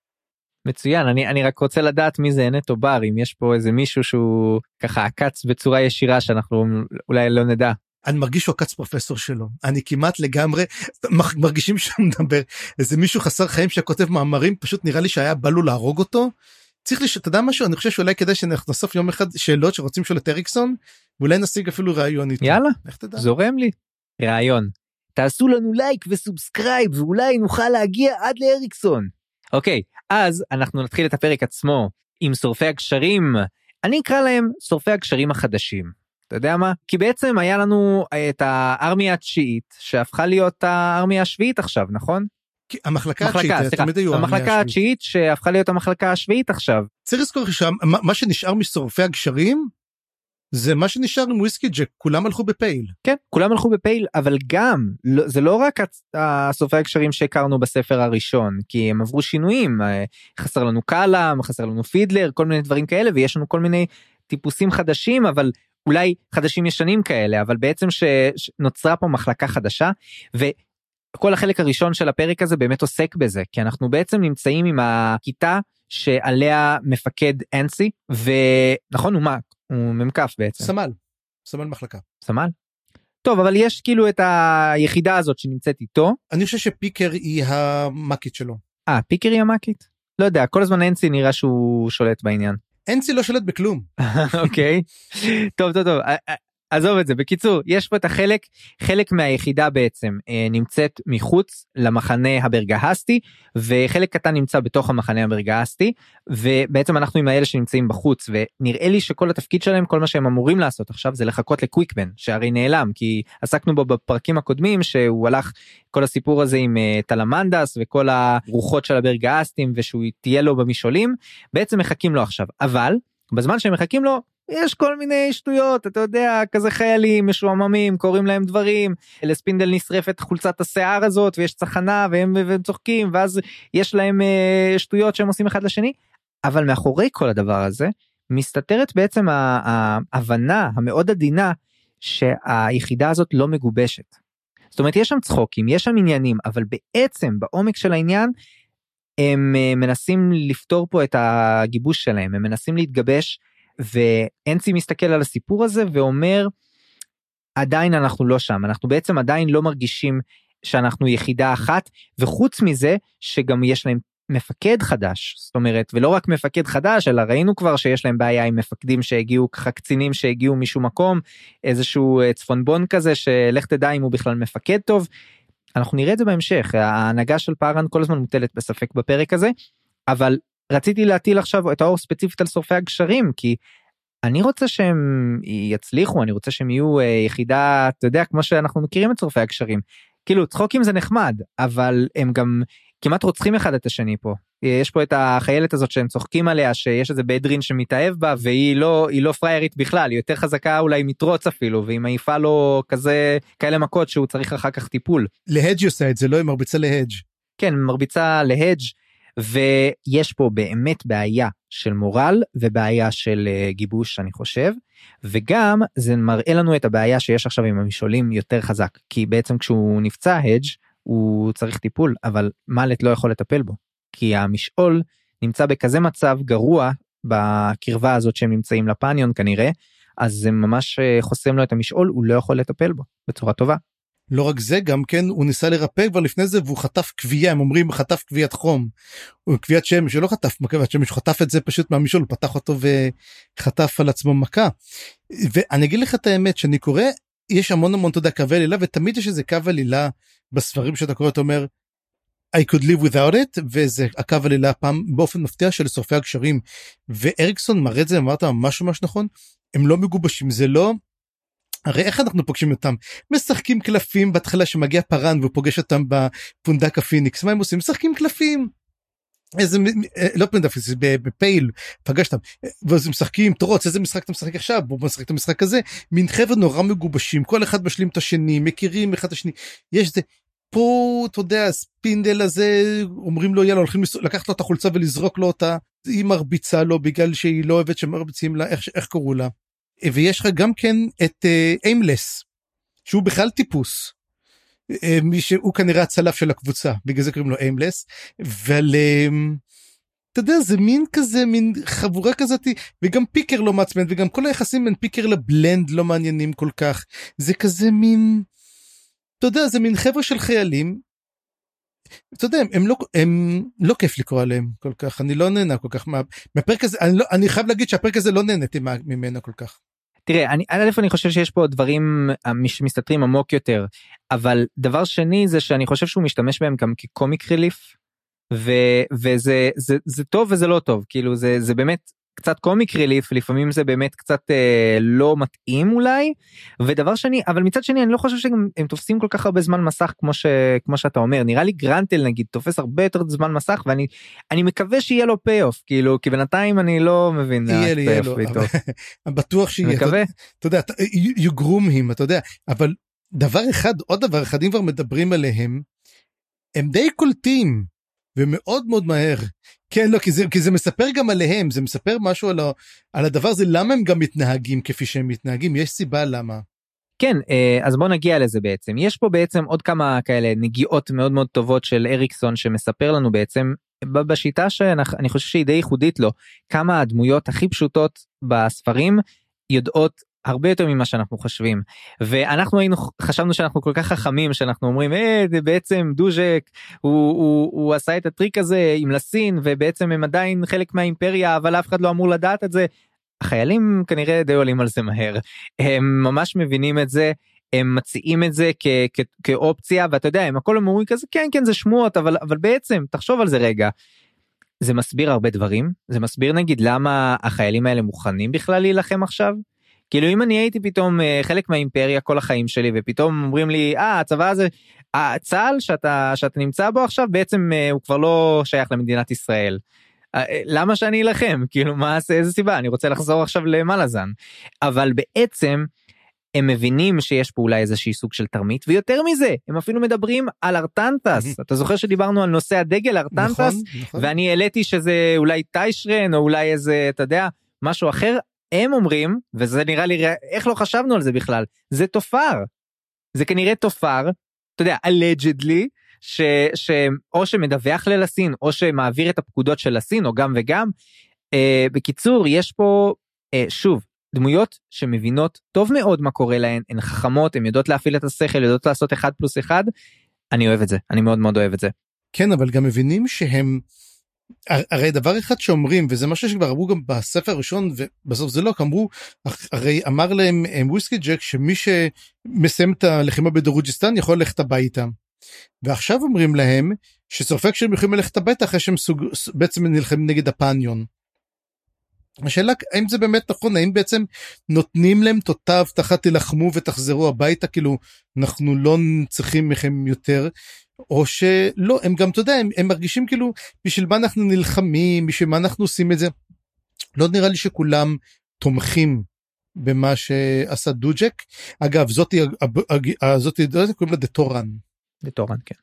Uh, כן ואני אשים פה עוד שתי סימניות קטנות כי אולי נחזור אליהן בהמשך דבר ראשון זה האזכור של הצמידים של פיקר. כי שאלנו בפרק הקודם כן. מה קורה איתן הם עדיין שם הם הם אפילו מגיבים קצת לקסם בהמשך הם עדיין מכאיבים לה הם מתחממים כנראה כשהיא מתקרבת לפניון לא ברור מה קורה פה. צריך לזכור שהצמידים האלו הם מקודשים לטרייק. אה, אנחנו לא יודעים מה זה אומר ואם הם באמת מקודשים לטרייק או שזה סתם משהו שמון וגמר אנחנו לא יודעים אבל בכל מקרה הם עדיין פה ואני אני אומר שיקרה איתם משהו בהמשך ודבר נוסף החולצת שיער של ספינדל יש שם משהו אנחנו נראה את זה גם בהמשך אבל אבל לדעתי זה זה מעניין שפה היא כמעט נשרפת. Um, ואנחנו עוברים בעצם לקוויקבן שבעצם מתקרב הולך ומתקרב בעצם ליחידה הזאת לכוח הזה והוא יוצא ממשעול הוד וגם משעול הוד שאמרנו שהוא הכי פחות מושפע גם הוא מושפע וזה מאוד משפיע על קוויקבן הוא יוצא נורא חלש אה, פצוע לא יודע איך מנטלית או, או הוא יוצא סחוט בקיצור ממש. והוא מעלה כמה אופציות תוך כדי שהוא חושב לעצמו לגבי הפניון והוא גם חושב רגע חייב להיות קשר בין הפניון לאל הנכה קוויקבן מעלה פה את האופציה הזאת ממש בצורה אה, ישירה. האם זאת הסחת דעת? זאת אומרת אני אני יודע מה הסיכון האמיתי אני יודע מה באמת המלחמה החשובה פה. האם הפניון זה סתם הסחת דעת? או אולי קורה פה משהו גדול יותר מסוכן הרבה יותר האם זה חלק ממשהו יותר רציני. ואלה שאלות מאוד מאוד חשובות שאני שמח שקוויקבן גם מעלה אותן. כמו שאמרנו אם החיילים הכי פשוטים יכולים לעלות uh, דברים כאלה קוויקבן על אחת כמה וכמה. ואני מרגיש שאתה רוצה להגיד משהו בנושא הזה? כן קוויקבן אומר מה אם הנביא גם כן לא יודע מה הוא עושה. זה מדהים אתה יודע זה לשחק שח עם כלים אדירים לעשות את הדברים האלו ואף אחד לא יודע מה האנד גיים למעשה אחד של השני. כן. ולקראת הסוף של הקטע הזה הוא באמת מתחבר חזרה מתאחד עם שורפי הגשרים ואנחנו נעבור לסצנה הבאה כי אני חושב שנחזור אליהם עוד מעט. ואנחנו נמצאים בעצם במחנה הברגהסטים ושם בעצם נמצאים פארן טרוץ והמורנט שאנחנו מתחילים להכיר אותו קצת יותר עכשיו קוראים לו טוויסט והוא בעצם נציג המורנטים שנמצא איתם ויש לו קוורל כזה שיכול ככה אולי הוא מתפקד כסוג של אה, קשר או סוג של אתה יודע אה, מסוק חילוץ או כל, כל דבר באמצע. ובעצם הם מסתובבים להם במחנה והולך להיות קרב מתישהו בקרוב זאת אומרת ביום למחרת כבר בבוקר אבל הם uh, מקבלים כל מיני פריטי מידע והם מקבלים את זה דרך טוויסט כי טוויסט מסתבר יכול להבין את הברגסטים ואם לא היה לנו את הפרק הקודם עם כל הקטע של הלור שם לא היינו מבינים למה לעזאזל הוא מצליח להבין אותם עכשיו אנחנו מבינים טוב מאוד. טוויסט ומורנט ולמורנט יש קשר לברגסטים שאפילו כנראה העמים האלה אולי לא יודעים אבל אנחנו רואים שיש להם גם איבה כלפיו זאת אומרת הם ממש עוינים אותו וזה רק סוג של עוינות כזה שמגיעה מהיכרות זאת אומרת זה לא שהם סתם עוינים אותו יש ביף בין המורנט לברגסטים וזה יכול להיות מאוד ביף שמקורו בהיסטוריה. ומעניין אגב שאם זה אכן הביף שאנחנו יכולים כבר לנחש מהו שהוא היסטורי ועתיק וכולי יש סיכוי טוב שהברגסטים אפילו לא יודעים למה והמורנט כן כי למורנט אנחנו כנראה אין להם את העניין הזה של הברגסטים שהם לא יודעים את העבר שלהם. תשמע משהו מאוד מעניין. הוא אומר לו שהוא אומר לו למה זה שואלים או שואל אותו פארן הרי טוויסט למה הם שונאים הוא אומר כי הוא אומר השנאה מבוססת על, על זיכרונות לא נכונים שלהם. ואז בוא נגיד כזה דבר ונלך אחורה הרי הם אמרו וזה עוד פעם אנחנו אומרים שאי אפשר להאמין לכל מה שאנחנו שומעים מאנשים. ומה אם בוא נגיד ככה הברגאסטים זאת אומרת המורנס לא נוצרו מהברגאסטים אלא הברגהסטים הם שומרים על איך שהם נראו באמת ואילו הברגהסטים הם אלו המורן. שנפלו. מהמורנס סליחה הברגהסטים הם אלו שיצאו יצאו מהמורנס. אלא המורנס שמרו בעצם על איך שזה מה אם אטיסטה אדור שיעבד את אותו את אותם אימאסים, האימאסים התגברו, יצרו, ובעצם, השת, אתה יודע, השתמשו בקסמים כביכול של להטיס את ההדור בשביל לנצח אותם, וחלק מהם שהחליט לא לעשות את זה פשוט פרש. ואלו הברגהסטים. אולי הם ניצלו מהטיסט דור ללא ראשים ואז הצליחו לחדש לעצמם ראשים של חרקים? אני לא חושב אבל בסדר. בקיצור יש לנו היסטוריה ויש ביף וכל הדבר הזה ולכן גם הוא מצליח להבין אותם אז הוא נותן לפארן כל מיני פריטי מידע. Uh, uh, קודם כל הוא מספר על מי שילחם בטרוץ. היא בעצם יש לנו את הצ'יף הצ'יף הגדול זה שאבא שלי טען שהצליח לאסוף את כל השבטים של הברגסים שבדרך כלל משהו שלא קורה מאוד מזכיר לי ככה את השבטים המונגולים אתה יודע כל מיני מונטזומה עם ה... אה, יש כל מיני כאילו מין עמים אה, שבטיים כאלה בהיסטוריה שהיה סיפור גדול אם מישהו יצליח לאחד את כולם. דרוגו. זה המון... קל... קל דרוגו כמובן מההיסטוריה המאוד מאוד רחוקה שלנו ברור אה, וגם קוראים לו רגע רשמתי את זה. הומברלטור. אומברלטור והוא חתיכת שיף גדול ומסוכן ומפחיד ומוערך ויש לו הרבה הרבה ילדים כולל את איתן ויש לו ילד קטן. קטן אבל מסוכן. והילד הקטן המסוכן הזה הוא אפילו אין לו שם כי הוא עדיין לא הגיע לטקס ההתבגרות הזה שבו הם מחליטים על שמות אבל מה הוא כבר היה בכל כך הרבה דו-קרב וניצח את כולם והוא לא הפסיד אף פעם והוא נורא נורא מסוכן בקיצור בילדאפ רציני לדו-קרב שטרוץ הולך להיות בו עוד מעט.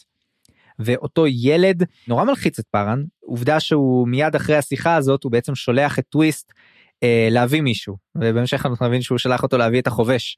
זאת אומרת אולי עד עכשיו הוא אמר אה, טרוץ יכול להתמודד עם כל מה שלא יבוא אבל פתאום אחרי שהוא שמע את הדבר הזה הוא אמר לעצמו אה, אני צריך את החובש פה קרוב כנראה.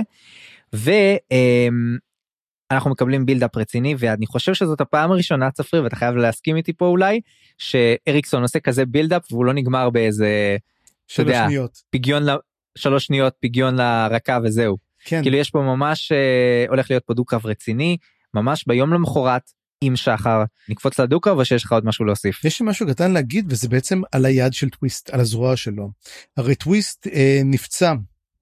אה, אני חושב בספר הראשון ואומרים את זה יש לו יש לו זרוע שהיא נרכבת שרוח ריבית נכנסה בה אה, או חיסלה אותה והוא נרכב לאט לאט והוא אומר טוויסט הולך למות אם הוא לא יקבל ריפוי מאל. אבל הם לא יכולים לרפא כרגע למה הם נמצאים באמצע הקרב זאת אומרת. טוויסט יודע שהוא לא ישרוד את כל הדבר הזה ועדיין הוא מקבל את זה מאוד מאוד בשלוות רוח הוא לא עוצר עוזב את הקרב מחפש הוא יכול. הוא מקבל את זה שזה חלק מהקרב והוא ימות. וכמה שזה עוד דבר אחד גם טוויסט הרי רואים אותו מתחילת הספר אני לא, לא חושב שהזכירו אותו בספר הקודם. הוא מופיע רק פה כנציג המורנף ומדובר שתמיד יש לו איזה חיוך קטן מאחורי המסכות כל פעם מחייך כאילו הוא יודע משהו מעבר יש סיכוי שאולי הוא נציג של האל הנכה שאנחנו לא יודעים עליו. לא קשה לי להאמין הוא יותר מדי עוזר להם. עוזר להם בשביל שהם יגיעו מה אם הוא צריך לעזור להם להגיע מה אם בעצם המטרה היא להביא את כולם למקום אחד פצצת אטום וגמרנו. אני לוחץ אקס to doubt. אקס to doubt אוקיי. ואנחנו נעבור בעצם לבוקר ובבוקר לפני הקרב הגדול שהולך עוד מעט להתרחש יש עוד איזה קטע קטן כזה עם איימלס שהזכרת אותו מקודם שהוא בעצם נמצא פה עם פארן ועם עוד כמה חיילים שלו ומתחילה פה ההתערערות הזאת שהזכרנו אותה קצת של ההנהגה של פארן היא מוטלת טיפה בספק וזה קורה כי איימלס מגיע ואומר תשמע החבר'ה פה דיברו ו, ואני כזה באתי רק להגיד לך שאולי אה, אנחנו מבינים שאם טרוץ יפסיד אנחנו נהיה בבעיה אז הכנו איזה קאסרים וכל מיני כאלה ואם צריך אנחנו נפוצץ פה את העניין ונעבור לגבעה היא שמה והוא אומר לו זה מה שהחבר'ה דיברו אה.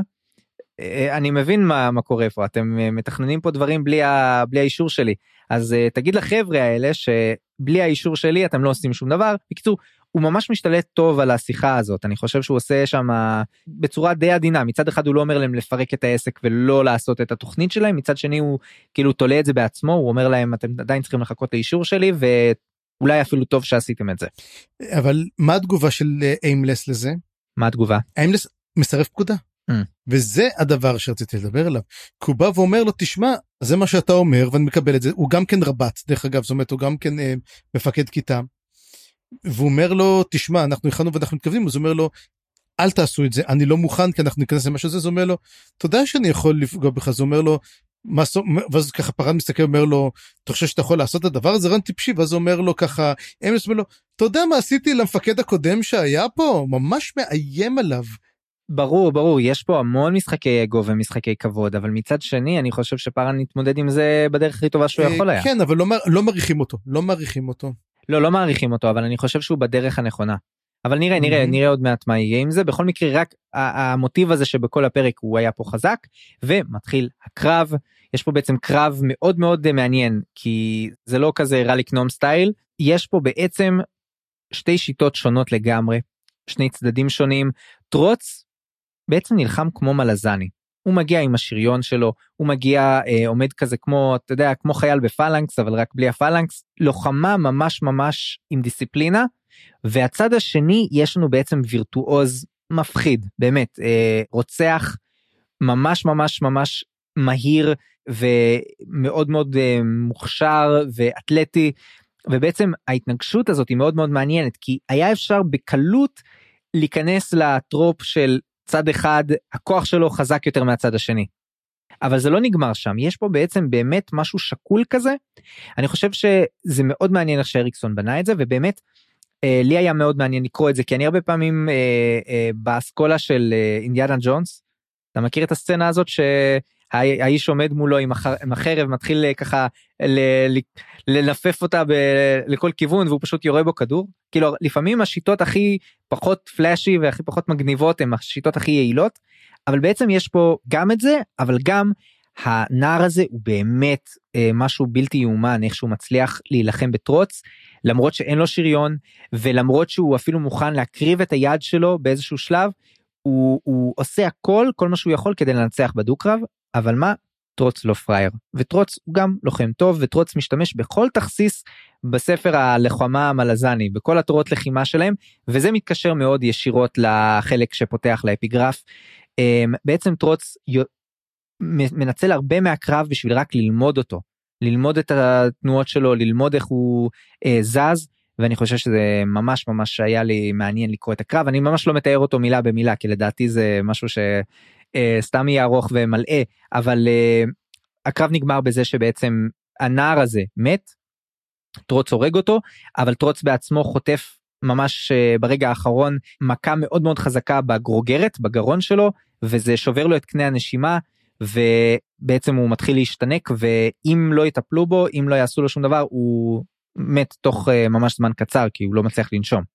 קודם כל רק צריך להבין גם כן למה בעצם טרוץ נלחם מעבר לזה שטרוץ נלחם טוויסט אומר לו את זה שטרוץ הוא בן של שבט הוא בעצם הוא טוען לשלטון לאחד לרשות השבטים. וזה אחד הדברים זאת הסיבה שהוא נלחם בכלל ויש לו גם את האישור להילחם אנחנו דיברנו על זה זוכר שאמרנו מי הוא טרוץ בכלל וטרוץ חשבנו שהוא בצחל אולי אחד הבנים של אה, של תור. אבל לא הוא לא הוא, הוא בעצם בן לא. של איזה שבט אחר והוא גם טוען אחד הדברים שמגיעים זה אם הוא יכול לטעון לרשות שבט וזאת השאלה ואגב יש מה שהוא מתאר פה דרך אגב גם בטיפול זה אשכרה מה שעושים חופשים קרביים. שזה שזה קטע מגניב לחלוטין. כן אה, אז אז באמת יש פה אה, הקטע הזה עם, עם טרוץ זה מגניב כי באמת אנחנו יודעים שהוא לא פנים לבנות זאת אומרת אנחנו יודעים שמהתיאור שלו שהוא נראה שונה לגמרי יש לו שיניים כחולות צבועות בכחול וכל מיני כאלה. בקיצור אה, זה מגניב אנחנו נראה בדיוק מה הדבר הזה אבל זה גרם לי לחשוב על ההיסטוריה שלו.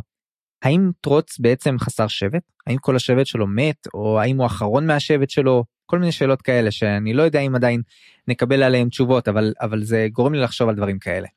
ובעצם פארן רואה את הדבר הזה ומיד אה, אה, חושב מה הוא יכול לעשות אבל אז מלץ' שזה בעצם ה, אולי מתלמד של מאלט אולי החובש המחליף שאין לו באמת כוחות קסם הוא לא יודע לרפא בדנול הוא בטח שלא דנול גבוה אבל הוא רץ בעצם לטרוץ ומתחיל לטפל בו וכמו שהזכרת צפריר זה טיפול שממש ככה הקפיץ לי את כל הקורס מד"א וכל הדברים שלמדתי אבל באמת זה נקרא טרכיו-חוטומיה כן? שזה בעצם אה, מנקבים את הקנה נשימה במקום שהוא נמוך יותר מהפה והגרון ובעצם האוויר יכול להיכנס דרך אה, דרך החור הזה ובעצם כשיש איזושהי חסימה בקנה הנשימה ב, או בפה זו דרך שפותחים את הנשימה בשביל, ה, בשביל שבן אדם לא ימות. אז נראה לי זה ממש אה, קטע מגניב כזה שאתה יודע אין קסם מה נעשה? אולי נשתמש בשיטה שהיא די ברורה. ואגב זה ממש מגניב איך שמתארים פה את מלץ' כאילו כזה מין אה, הוא, הוא קצב כזה הוא בוטשר כזה הוא, הוא יודע להשתמש בסכינים הוא כמו הוא כמו פרמדיק ש... שעושה ניתוחי שדה אבל אבל אין לו אין לו הרי קסם אז הוא נאלץ להשתמש בשכל שלו. ולא אגב אני לא בטוח כמה הוא משתמש בשכל שלו לא יודע אם יש לו כזה אתה יודע ספרי רפואה בבית אני חושב שהוא פשוט ניסה דברים עד שהם עבדו לו. תראה אבל הוא, הוא יוצא מאוד מאוד טוב בסיפור הזה וגם כן גם פארן אומר לו תשמע איך הצלת את החיים של בן אדם הרי אתה יודע קנה נשימה שבור זהו בן אדם מת והוא לא יכול לעשות את זה והוא מציל למעשה את החיים לפחות לקצת זמן עד ש... כן כן הוא, הוא טוב זה לא ברור. פתרון סופי אבל הוא לא מת על המקום זאת אומרת יש לנו מנצח בדו קרב אפילו אם הוא, הוא גמור. אז זאת השאלה באמת כי עכשיו אומברל תור מגיע ומתחיל לדבר עם פארן ושמה. זאת שיחה מעניינת כי א' זה פעם ראשונה שאנחנו מדברים עם האומברל תור הזה עד עכשיו הוא רק הרים והוריד את המטה שלו סלש אה, עלה שלו והוא מאוד מרשים אותי איך שהוא מדבר עכשיו עם פארן. זאת אומרת רואים שהוא מנהיג חזק שהוא חכם הוא גם שם לב לכל מה שקורה עם פארן והצוות שלו. הוא מבין שלפארן יש בעיות הנהגה והוא ידבר איתו על זה גם בהמשך. אבל כרגע מה שהוא אומר זה אה, שהמצב כרגע נמצא בתיקו. איך הוא יודע את זה? גם הרוחות של הברגסטים שנמצאות שם שותקות לא מכריזות על שום דבר ובדרך כלל במצב הזה הרוחות היו כבר מודיעות את ה verdict כנראה. ואז הוא שואל אותו תגיד אתה הוא הולך לחיות? כי כרגע המצב בסוג של stand uh, by אז הוא אומר לו אני לא יודע אני שלחתי להביא את החובש שלי ובאמת מיד אחר כך טוויסט באמת מגיע עם הקוורל שלו ועל הקוורל יש את מאלט ומאלט ניגש לטרוץ אבל אנחנו לא נראה מה קורה פה כי אנחנו בעצם חוזרים עכשיו לשאר uh, שורפי הגשרים. אני במתח תמשיך. יאללה עכשיו שקוויקבן חזר הם מתחילים להתקדם יכולים להתחיל להתקדם לכיוון הברגהסטים אממה קוויקבן במצב לא משהו. הוא ממש גמור וגם מתואר פה שספינדל גמור כי ספינדל גם כל הכוח שלו בעצם אה, גם אה, מושחת כמו של קוויקבן כל המשעולים עכשיו לא פעילים כל כך והם מתחילים להתקדם אבל סוחבים אותו ככה מנסים להתקדם כי כל העניין היה שקוויקבן הוא יהיה סוג של פלן בי בשביל כל הסיפור אם טרוץ לא מצליח יכול להיות שקוויקבן היה צריך לעשות משהו. אבל איך שהם מתחילים ללכת פתאום קורה משהו מאוד מוזר מתחילים uh, לצאת דברים מהאדמה זה סוג של כזה ידיים וגרומות כאלה uh, עם עצמות וגם שורשים כאלה. תופסים את קוויקבן ומושכים אותו לתוך האדמה. בהתחלה הם מנסים להתנגד אבל השורשים מושכים אותו עד הסוף והוא בעצם מוצא את עצמו בתוך משעול ברגהסטי קדום בתוך האדמה. ואיך אנחנו יודעים שמשעול ברגהסטי קדום? כי הוא באמת רואים שם כל מיני סירות כאלה ודברים שמאוד מזכירים לנו את מה שראינו מתחת לקפוסטן בפרק הקודם וגם uh, מהר מאוד הוא פוגש גם את טלמנדס שזה בעצם הרוח הזאת שהוא פגש אותה מקודם הרוח הקדומה של הברגאסטים. וטלמנדס אומר לו היי תראה הגעתי תודה ששחררת אותי. אז הוא שואל אותו רגע למה אתה לא שם? הוא אומר אני לא יכול להתקרב הם מעיפים אותי הרוחות השולדרמן שמה שהם בעצם הכהנים אולי או הדרואידים האלה של הברגסטים מעיפים אותי כל הזמן וזה באמת מה שראינו שהם עושים לנשמות הקדומות זה למה הם לא, לא יכולים להתקדם כי לנשמות העתיקות אין דרך בעצם לתקשר איתם אבל הם הגיעו הכי קרוב שהם יכולים. ואז הוא בעצם uh, מתחיל לדבר עם קוויקבן והם מבינים שהם עדיין יכולים לעזור אחד לשני. איך? קוויקבן יכול להעביר מידע מאוד מאוד חשוב שיש לטלמנדס להומברל טאור ומצד שני אה, קוויקבן יבקש ממנו טובה. אז מה שהמידע שהוא רוצה להעביר לו זה הדבר הזה. מתחת לקפוסטן אחד הילדים של אומברל שזה כמובן ניתן מצא את השאריות של הלוחמים הראשונים והרוחות הראשונות. ואת המידע הזה אומברלטור חייב לדעת. למה? כי זה יגרום לו בעצם להצליח לאחד את השבטים ולהוביל אותם לקפוסטן. ולקוויקבן זה מאוד מתאים הוא אפילו מסכים לעשות את זה אבל הוא מבקש טובה ושואל אותו תשמע המשעולים עכשיו uh, במצב גרוע אנחנו לא יכולים להשתמש בקסם האם תוכלו תאורטית להזרים את הכוח שלכם לתעל אותו דרך קוסם בן אנוש. הוא אומר לו כן אפשר לנסות דבר כזה. ואז הוא אומר לו סבבה מצוין אני עוד uh, אשתמש בזה. וכמובן הכוונה לסוג, לעזור למלט כי הוא מבין שהדו קרב נמצא במצב הגרוע טלמנדס גם מספר לו את זה שכחתי לומר ויכול להיות שמאלט יצטרך את העזרה הזאת אז בעצם קוויקבן מטפל פה בעניינים מאחורי הקלעים ומסדר את הכל כדי שבאמת יעבוד. עוד משהו על הסצנה הזאת? רק מדובר שם שיש את הרוחות העתיקות ואת הרוחות הצעירות וטלמנדס הוא לא טועה הוא שייך לרוחות הצעירות כאילו אבל גם כן כמה הוא הוא, הוא, הוא, הוא מעתיקות נחשב? לא לא לדעתי הוא לא הוא לא לא לא כי הוא אומר שהוא אה, מהראשונים שנולדו ב... ביבשה כן. הזאת אני חושב אתה יודע מה בוא נגיד שהוא לא עתיק כמו הרוחות מתחת לקפוסטן אבל הוא בהחלט לא חלק מהרוחות הצעירות כי הם אפילו לא מוכנים שהוא יתקרב כן. הרי. הוא אומר שגם הרוחות הצעירות הם לא יכולות להתקרב בכלל לפניון בכלל גם הפניון גם משפיע עד לעולם הזה. ואנחנו בעצם חוזרים חזרה למחנה הברגהסטים יש שם שיחה מאוד קצרה וטעונה בין uh, פארן ומלט וזאת שיחה מאוד מאוד חשובה כי היא משפיעה מאוד על פארן אנחנו נראה את זה גם בהמשך. בעצם מלט אומר לו טוב הגעתי אני אני מוכן ואז אה, פארן אומר מצוין בוא תרפא אותו והוא אומר תראה אני באמת הולך לרפא אותו אבל רק שתדע זה כנראה הולך להרוג אותי. ופארן מסתכל עליו הוא כאילו לא קולט הבן אדם אומר לו שהוא הולך עכשיו למוות שלו הוא מוכן לעשות את זה הוא מוכן למות וכאילו זה לא לא מטריד אותו הוא פשוט הולך על זה. וואי איזה איזה סצנה איזה בנייה פה של הדמות של מאלט שאנחנו עד עכשיו ראינו אותו כזה תמיד הולך אחרי וויסקי ג'ק מנסה לעזור לו אבל למאלט יש הקרבה עצמית מטורפת מטורפת וכשפרנו קולט את זה הוא מקבל חררה הוא מבין ש... וואלה אני אמור לשלוח אנשים למוות. אני בתור מנהיג יש לי את ה... בתור uh, מפקד יש לי את הכוח ואפילו לפעמים את החובה לשלוח אנשים למותם בשביל איזושהי מטרה. והוא לא בטוח אם הוא יכול לעשות את זה. זאת אומרת הוא לא בטוח אם הוא בנוי לזה. והוא גם חושב על וויסקי ג'ק בשלב הזה ואני חושב שזה משהו שוויסקי ג'ק הפנים כבר מזמן וזאת הסיבה שוויסקי ג'ק הוא וויסקי ג'ק. כאילו אני חושב שהיכולת של וויסקי ג'ק לעמוד מול הדבר הזה מצד אחד להחזיק בעובדה וכל מה שדיברנו עד עכשיו אגב במיוחד בספר הראשון על המוסר של, של וויסקי ג'ק נכון האם הוא בעצם זה שהוא רואה באנשים את היכולת להגיע לרמות הנמוכות ביותר אני חושב שכל העניין הזה של וויסקי ג'ק שמנסה להישאר אנושי זה זה. זאת אומרת בדיוק הנקודה שפארן הגיע אליה עכשיו האם הוא מצליח לעשות את המוטל עליו לעשות דברים נוראיים ומזעזעים ועדיין לשמור על זה שהוא עדיין לעשות את זה אבל גם לדעת שהוא עושה דברים מזעזעים כאלה. אתה יודע זה מזכיר לי פרק ב, דווקא במסע בין כוכבים הדור הבא. באחת העונות המתקדמות אה, דיאנה טרוי היא ככה אומרת טוב אני רוצה לעלות בדרגה היא לוטננט קומנדר רוצה להיות קומנדר מלא. אוקיי אז אומר לרייקר אין בעיה אני החונך שלך אני אלמד אותך כל מה שצריך יושבים לומד אותה נותן לה את התיאוריה ואז היא צריכה בעצם לעשות תרגיל ובתרגיל הזה זה תרגיל של איזה משבר שקורה בהנדסה והיא מרסקת את האנטפרז כל הזמן מתפוצצת ואי אפשר. והיא אומרת אני לא מצליחה לא מבינה ואז הוא אומר לה תשמעי יש לך עוד פעם אחת לבדוק את זה אין לך יכולת כל כך הפעמים אם את לא מצליחה את לא יכולה לעבור לעלות בדרגה. ואז היא עושה את התרגיל הזה והיא מבינה ואז המשימה שלה היא בעצם לשלוח את אחד מהחברים להרוג את עצמו. והיא יודעת שהיא צריכה לעשות את זה וזה יציל את הספינה שקולה אבל הוא ימות. וזה ג'ורדי ואומרת לו ג'ורדי תיכנס ותעשה את זה. כאילו אין ברירה והוא עושה את זה ואז אומר לרקר נכון זאת זה פיקוד את רוצה להיות מפקדת להיות בדרגה? את שולחת אנשים למותם ואת צריכה לחיות עם זה ולהבין מה בעצם המחיר. וזה אותו דבר אחד לאחד כי פארן מבין שהוא שולח אדם למותו ואם הוא כי אם, כי אם בעצם טרוץ ימות הברגסים יחסלו את כולם. אז הוא אומר אני צריך להקריב בן אדם אחד בשביל כולם וזה לפעמים קשה הוא אבל הוא לוקח את זה נורא נורא קשה.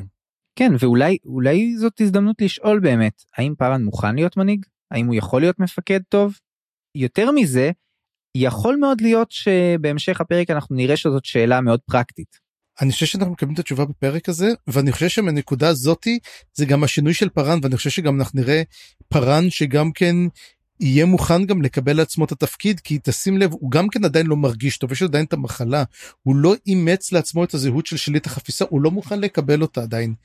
אבל אני חושב שברגע שהוא מקבל משהו הוא יקבל עד הסוף. אני חושב שפארן דווקא הולך להתרחק מהפיקוד לפי הפרק הזה. אוקיי. אבל נראה. בקיצור אה, מלט באמת מתקרב לטרוץ מניח את היד על, על הפציעה שלו בגרון ומתחיל לרפא. בהתחלה באמת הכל מתנהל כמו שחשבנו שזה הולך להתנהל אה, הוא חווה אה, אה, זוועות וכאבים והוא מתחיל להרגיש שהוא נשאב לתוך הזוהמה של המשעול כל הדברים האלה שחשבנו שיקרו והוא כבר חושב שהוא הולך למות אבל בדיוק באותו רגע הוא מקבל את הסיוע הזה שבעצם קוויקבן דאג לו הוא מרגיש שהוא ככה מגיע למקום חדש ויש שם פתאום הוא שומע כל מיני קולות והם אומרים לו תשתמש בנו אנחנו פה בשביל לעזור לך וזה כמובן הרוחות של הברגסטים כנראה. ויש שם קטע מאוד מעניין שתוך כדי תהליך הריפוי הוא מרגיש שהגוף שלו מת וכאילו נוצר מחדש, הורכב מחדש. ומאותו רגע אני חושב שמלט עובר איזשהו שינוי שאולי אנחנו לא נחווה את מלוא ההשלכות שלו בפרק הזה אבל חשוב לשים לב אליו.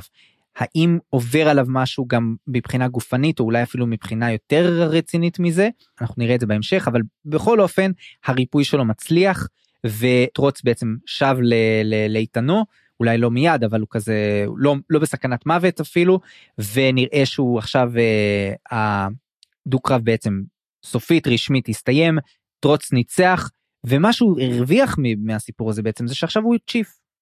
אבל בשביל צ'יף צריך שבט נכון אז השבט שלו זה סופי הגשרים. זה בעצם התוצאה שכולם ייחלו לו למה הוא רוצה להיות צ'יף בכלל אז את זה אנחנו מתחילים להבין מזה שפארה נכנס בעצם לאוהל של הומרל והוא מדבר איתו שם ומשם הם מתחילים להבין את כל ההשלכות של העניין. כי בעצם אתה יודע הסופי הקשרים היה להם את המשימה הזאת הם הצליחו במשימה ועכשיו כאילו הכל סבבה לא? לא בדיוק. יש עדיין מורכבות מאוד מאוד גדולה שם במחנה של הברגאסטים יש פה המון שבטים. אומברל שולט בהם אבל הוא לא שולט בהם ברמה כזאת שהוא יכול לגרום להם לעשות כל דבר שהם ירצ... שהוא ירצה.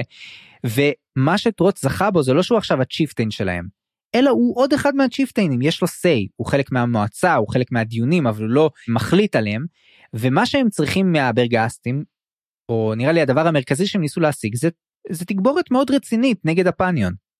אבל הברגסים אומרים כן תראו אנחנו באמת נגד הפניון אבל אנחנו לא הולכים עכשיו לצעוד לקפוסטן אין לנו מה לחפש שם קודם כל הם אויבים שלנו. ודבר שני אני לא יכול עכשיו לשכנע את השבטים לעשות את זה הם פשוט לא יסכימו יהיה לי פה מלחמה באולי כמה שבטים יבואו איתי אבל כל השאר יישארו אפילו יילחמו בנו אין לנו דרך לעשות את זה. ובעצם יש פה סוג של stalemate uh, כזה זאת אומרת מצד אחד הם השיגו מה שהם צריכים אבל מצד שני זה לא ברור. ודבר נוסף שעולה פה על הפרק וזה באמת מה שאומברל מעלה זה שההנהגה של פארן עכשיו uh, לכאורה בספק. כי הוא עכשיו ה chief לא?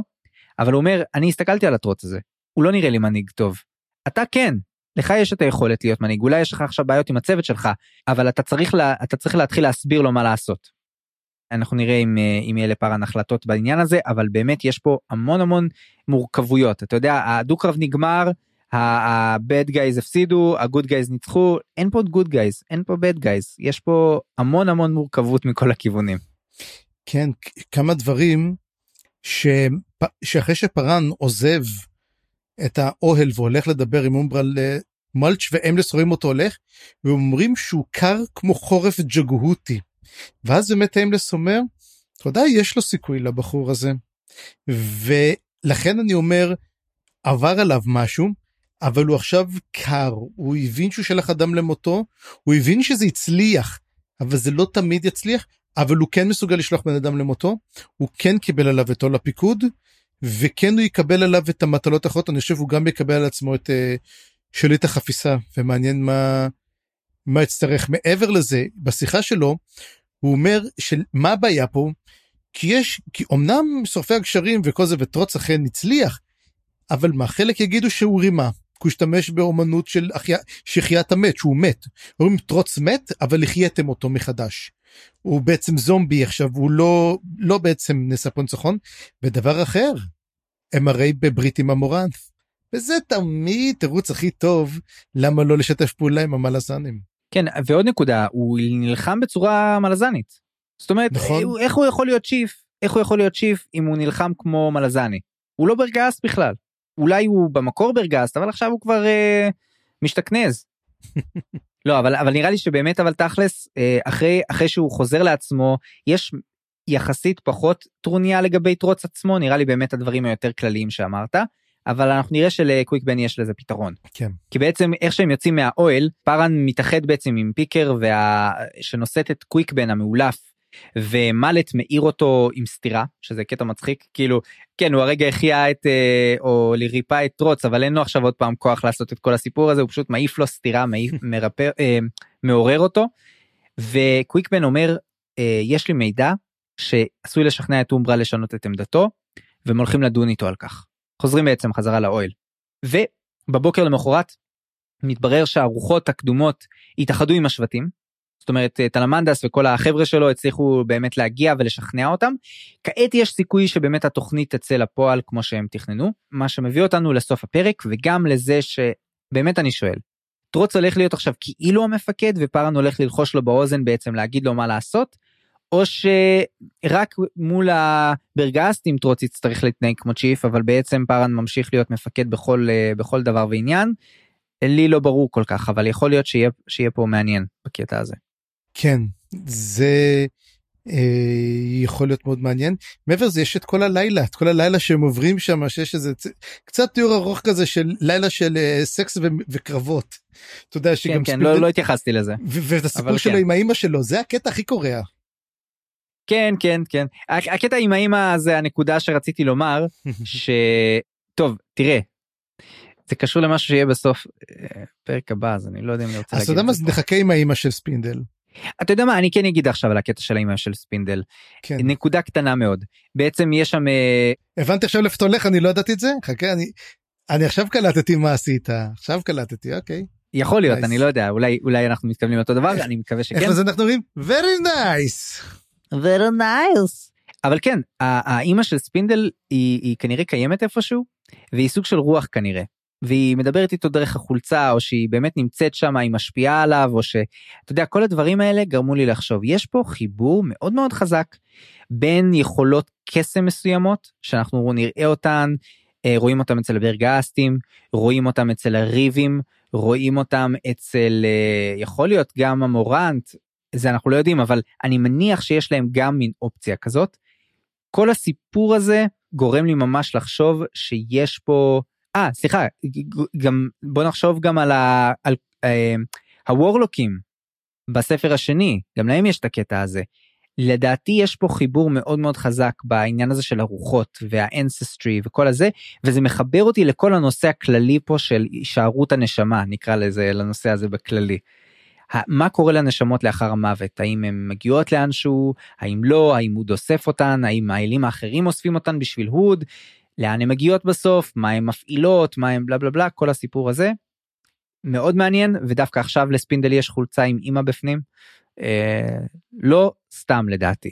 כן הקטע סתם קטע קטנצ'יק אבל חמוד שאומרים לו אתה יכול ללכת לבלות אז הוא אומר אבל מה אמא שלי תיעלב אז אומרים לו נו באמת אמא שלך מה אתה רוצה ואז בדום שולח הוא חוטף מכה על הראש כזה כאילו מישהו מוריד עליו איזה תראה איזה כפכף מאלפת אותו וזה היה מאוד מאוד מצחיק. זה מגניב לפגוש את זה בספר פנטזיה הרי הרי בסיטקומים יש את זה אינסוף נכון יש את ה... תמיד את ה man baby שיש לו את האימא בסלון שעדיין uh, שולטת בחיים שלו ו... ולא כן. נותנת לו לשכב עם בנות וזה כל הסיפור הזה זה ממש אה, אתה יודע גרסה גרוטסקית של זה כמו שאריקסון יודע לעשות. כן אבל אבל איך אריקסון עושה לך mood whiplash כאילו אתה צוחק על כל הקטע שהוא זורק את זה ספיקר צוחק אתה יודע איזה מצחיק באמת מעניין אם אבא שלי יהיה פה אם כן אני אשסף לו את הצוואר כמו ששיספתי אותו פעם קודמת. אתה אומר it got dark מ-1 ל-100 בשלוש שניות אתה יודע כזה זה moody ושאתה אומר כזה כן. מי, אלו האנשים האלו מי מי מי אתה יודע לפעמים אתה קולט עם מי אני משרת. כן אבל אבל אבל גם גם תיזכר רגע בסצנה שפתחה את הפרק הזה כאילו אמא שלו כמעט fucking נשרפה. תחשוב על זה ככה. לזה. יש סיבה למה זה. כן נחשוב על זה. נדבר על זה בסוף הפרק הבא הבא אז בוא אז אנחנו סוגרים יש לנו את הסגירה של פרק. כן כן סוגרים סוגרים יאללה בוא נתחיל את פרק 12 צפיר קח אותנו לפרק 12. אז פרק 12 פרק 12 וואו.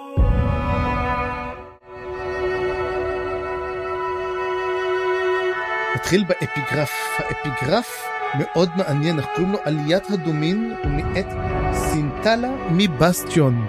היא חיה משנת 1129 ומתה ב-1164, כלומר, עכשיו. בסטיון דרך אגב זאת העיר הכבושה שאנחנו ראינו איפה שטוק עבר. ולפי השנים אנחנו מבינים שהיא לא שרדה את הקרב על בסטיון והיא נאספה אל אבותיה. או שכן שרדה והיא פשוט נותנת לעצמה שם אחר, כי מה שהיא כותבת פה, היא מספרת את הסיפור על נביא הפניון, ככה אני הבנתי. היא מדברת שהוא, היא המתינה לו בלב ההר, חולמת על שלום, כה מקורבלת עמוקות מסביב ליגונה.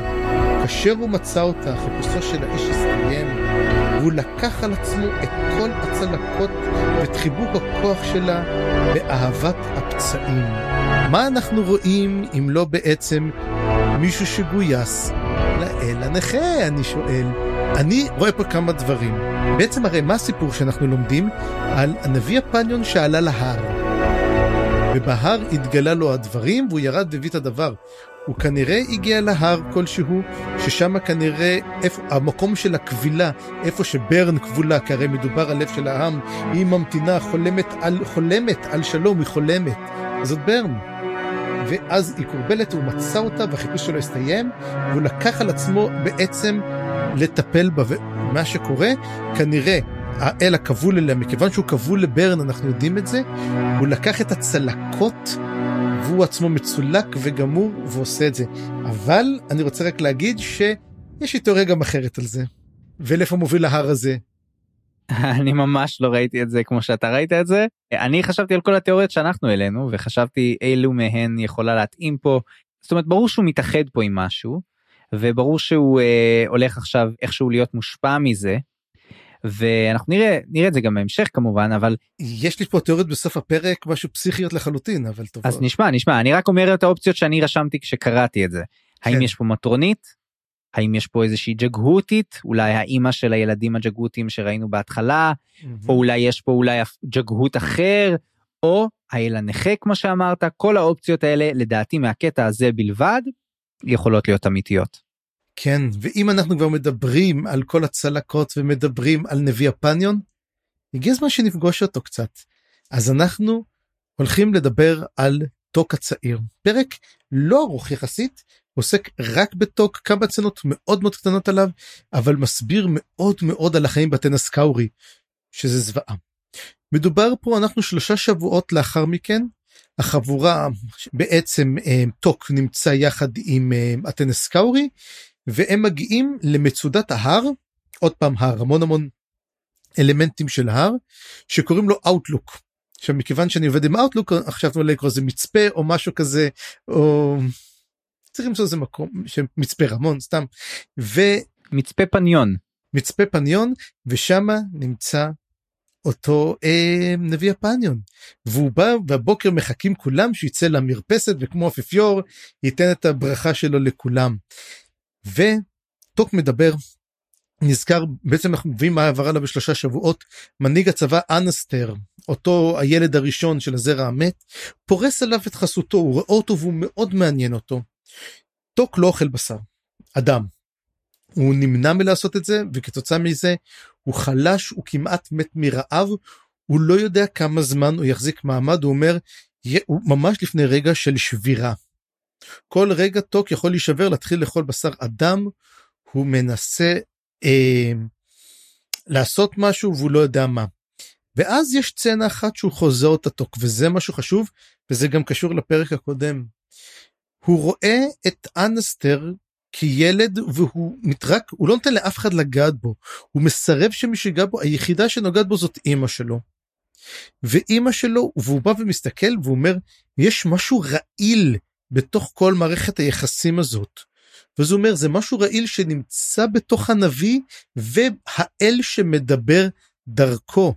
והוא אומר זה נגרם מזיכרונות משפחתיים וילד שנבגד, שהוא, ילד שהובל ביד לתוך אימה וכאב. ופה אני חושב שהגיע הזמן קצת סורי שאני רוצה אבל הגיע הזמן לדבר על הילדים הג'גותים. מה אתה אומר הגיע הזמן לדבר עליהם? יאללה בוא. אנחנו עוד נמשיך ונראה עוד רמזים אבל התיאוריה החדשה וגם מישהו העלה אותה דרך אגב באתר הזה גם כן שנביא הפניון הוא למעשה אחד הילדים הג'גהותים. עכשיו למה התיאוריה הזאת הולכת יפה? הרי כשהוא הלך ללב האם והוא ראה ואז הוא בא וקיבל על עצמו, אמרנו שהוא לקח על עצמו. מה אם אותו נביא פניון היה בן אדם, ראה את הילד הפניון בתוך הקרע והחליף איתו מקום. הוא כרגע סוגר אותו והילד הזה חזר. ואני עכשיו, בוא נלך עם זה ותראה איך המשך הפרק יותר ויותר תומך במה שקרה דווקא שזה ילד של הפניון, נלך על זה אחד אחד. הם מתחילים, אנסטר עכשיו מקבל באמת חדשות תוך כדי הליכה, שהמצור על קפוסטן התחיל והם כנראה לא יספיקו להגיע לשם. עכשיו צריך להסתכל קצת על המפה בשביל להבין את זה, הם לקחו מזרחה זאת אומרת דרוג'יסטן מתחת לזה יש את um, סלטואן ומתחת לזה את um, קפוסטן דרומית משם זה בסטיון ואם הולכים יותר מזרחה לכיוון הים זה כבר יושבת שם uh, בסטיון לחוף של אגם ואם הולכים עוד קצת מזרחה זה קורל שזה המקום דרך אגב שבו הם מתכננים את המתקפה הסופית. ככה הוחלט כבר בפגישה הראשונה. ושנמצאים שם למה זה בעצם אנחנו יודעים בעצם אנחנו אמרנו סינכרון זמן בעצם לדעת שזה קורה בו זמנית אנחנו לא יודעים מה קרה עם טוק זה זה בזמן הזה אנחנו ממש נמצאים כולנו באותה נקודה. ועכשיו אומרים טוב אז אומר אם אתם אומר כיוון שהכנו אנחנו מקבלים מתנה אחרת את התושבים של קורל ובעצם קורל זה היעד הבא הם הולכים לשני מקומות הטנס קאורי הזה הולך לקורל בעוד הם הולכים צפונה לקפוסטן. ועכשיו אומר לאנסטר בא ואומר לטוק, תשמע, אתה קיבלת מתנה לא קטנה. וקוראים לו גם the Defier, הממרה, הוא לא מוכן לאכול את הבשר, ואומר לו, אתה תעלה עכשיו ותפגוש את הנביא בעצמו. ואז הוא מסתכל ואומר לו, תראה, תראה את העין שלך כבר, העין שלך נראית כמו עין של זאב שנוצצת באפלה. טוק, הוא לא כל כך מסתכל על זה, הוא כבר אומר לעצמו, נו טוב, הולכים להרוג אותי, לפחות זה, לפחות הדבר הזה. ואז מה שהוא צריך לעשות הוא צריך לעלות במדרגות. לפני המדרגות אני יכול להגיד כמה דברים? תן. קודם כל כמה דברים uh, קטנים. לי היה ממש קשה לקרוא על טוק עכשיו כאילו מה טנס קאורי אני רק חשבתי שהוא רץ עם איזשהו המון שהוא זה שהוא הולך עם הצבא לא לא לא זה שהוא איתם הוא מתחיל לקבל השפעות של, ה, של הנביא וממש משנות אותו הוא מתחיל לקבל דחפים קניבליסטיים כאילו זה ממש משפיע עליו הנכחות שמה זה ממש ממש היה לי קשה לקרוא את זה ואני כל הזמן שואל לעצמי רגע זה הפיך? זה יקרה לו אם זה משהו זה הוא יוכל לחזור להיות טוק החמוד שאנחנו אוהבים? לא לא יודע. כאילו אני אני רוצה לדעת שהוא יהיה בסדר אבל אבל מהפרקים האלה ממש לא ברור. ודבר נוסף כנראה קורה לו משהו גם אה, כל הקטע של העין ושל הדברים מתפתחים אצלו ועוד מעט בשיחה נראה לאן זה הולך. ודבר נוסף התיאור פה היה מזעזע גם uh, של, ה, של הטנסקאורי, גם של איך שמייצרים את הילדים של הזרע המת, ופה יש לי מקום לתיאוריה מופרכת משלי צפריר. היי, אני חי בשביל זה, תן. חיילי זרע המתים, מה זה בעצם? יש לנו נשים מפחידות כאלה שהולכות שוכבות עם גופות של אנשים שממש גוססים אני חושב ממש ברגע האחרון מתים, של ה... מתים לגמרי מתים אני, לגמרי. אז זהו שלא היה לי ברור כל כך כי אני חושב שתוך הם אומרים את זה את התיאוריה אומר שגבר שהוא מת יש לו עוד פרץ אחרון. כן. כי אה, בזמן המוות זה כאילו כל הזה מתגבש שם והן מנצלות את הפרץ האחרון אחרי, שה, אחרי שהגבר מת בגלל זה מזרע מת. אז לא היה לי ברור אם זה משהו כזה אתה יודע איזשהו תיאור אה, איך קוראים לזה יופמיסטי אופמיסטי איך אומרים את זה בעברית. יופמיסטי. יופמיסטי איזשהו תיאור יופמיסטי כזה כי הרי ידוע שברגע שבן אדם מת הוא הרבה פעמים מקבל אה, גבר מקבל זקפה הרבה פעמים. שזה חלק מהריגור מורטיס שבעצם נכון. הגוף מתקשה השרירים מתקשים אז יכול להיות שהפרץ הזה הכוונה למשהו כזה שהוא מאוד גופני ו- ו- ו- וזה אבל אבל ממש מהתיאור שזה היה מתואר ממש כאילו הם מקבלים פרץ אחרון של חיים ממש הם מתעוררים כאילו ויש שם גם את התיאור של הצרחות. בקיצור תיאור מאוד מאוד מזעזע של הדבר הזה. שוב אריקסון איך אתה חושב על הדברים האלה? זה דבר ראשון. ודבר שני אני חשבתי וזאת בעצם התיאוריה שלי. כמה זה שונה בעצם מכל הדברים האלה שראינו? הריבים עם הילדים שלהם, ש, שנשים שמתעברות אה, אחרי שיש להם בעצם אה, עובר מת בתוך הבטן, ואת האישה שבסוף הספר הקודם אצל אה, הוורלוקים, הוויקנית, האישה הוויקנית, הוויקנים, כן. כן. אני חושב שזאת בעצם אותה מכניקה. יכול להיות שהיא קצת שונה באיך שהם מבצעים, הטקס טיפה שונה, אבל בעצם מה שיש פה זה בעצם סוג של החזרה של הנשמות לעולם, בלי שהן עוברות בשערי הוד, אולי יש פה אפילו סוג של לידה של סול טייקנים, או לפחות ברמה שראינו עם הוורלוקים הוויקנים שהם בעצם נולדים חזרה כילדים ומהר מאוד מתבג... מתבגרים.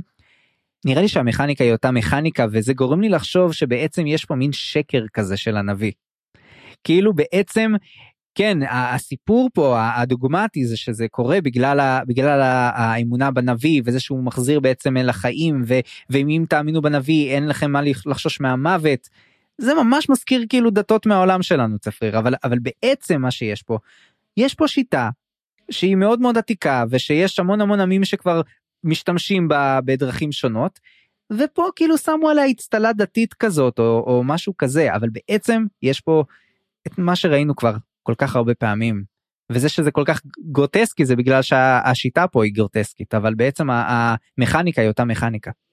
זאת אומרת בעצם אבל אנחנו לא רואים דרך אגב הם לא הם לא מתבגרים מאוד מהר אנחנו לא יודעים צריך לזכור לא אנחנו יודעים כי 아. אה. הרי הילד עצמו אנסטר הוא בן 14 כן וזה מתאים הוא בגודל זה הוא לא הראה בינתיים יכולת של סול טייקן אבל אחלה תיאוריה זה לא תיאוריה בכלל מופרעת אה, תיאוריה אחלה לגמרי. אני רואה בזה קשר בוא נגיד ככה אני לא יודע אם זה אותו דבר אבל בהחלט יש פה משהו דומה בוא נגיד ככה. אגב עוד דבר אחד קטן שאני רק אוסיף גם כן לפני שהוא עולה גם כן הוא שומע שבעצם הצבא של אה, צבא כל איך זה שהנביא שלח ליגיונות של מכשפים לקנאה וחיסלה אלפים. ואז הוא אומר איזה מזל שעזבתי כי אם הייתי נשאר איתם אני כבר לא הייתי שם אנחנו מיד נראה גם כן מה קורה איתם. אז טוק עולה לנביא ועולה וזה מדרגות וזה הזכיר לי את הקטע ב Ghostbusters שהם צריכים לעלות למעלה ואיזה קומה 80 ואז הם רואים אותם רצים כזה לתוך הבניין אחרי קומה עשירית עוד כמה עוד כמה קומות הוא פשוט עולה ועולה והוא חצי מת כבר שהוא מגיע ובסופו של דבר הוא מגיע והוא פוגש את הנביא. והנביא אומר שהוא נראה כמו גופה אבל משהו עדיין גר בתוך הקליפה הזאת מחיה אותה גורר אותה הלאה יחד איתו. ואז הנביא בא ואומר לו יש לך עין של זאב ואפילו עוד יותר מזה. ואז הוא אומר לו תשמע אני רואה שאתה רעב והוא נותן לו בשר. וטוק בוא רואה את הבשר ואומר אני כבר לא יכול פשוט אוכל את הבשר הזה זה אומר לו הנביא צוחק אומר לו יש לך מזל זה בשר כבש זה לא בשר של בן אדם. ואז הוא אומר נו אני אירחתי את זה אומר יש לי כבר אף של זאב אני כבר אירחתי שזה בשר כבש זה לא בשר של אדם אז הוא אומר לו הפעם אני כאילו ריחמתי פה עליך. ואז הוא שואל אותו כמה שאלות ושאלות מאוד מעניינות הוא אומר לו תגיד לי איך אתה נפרדת מהצבא מלזני. הרי הצבא מלזני מצפון אתה הגעת מדרום.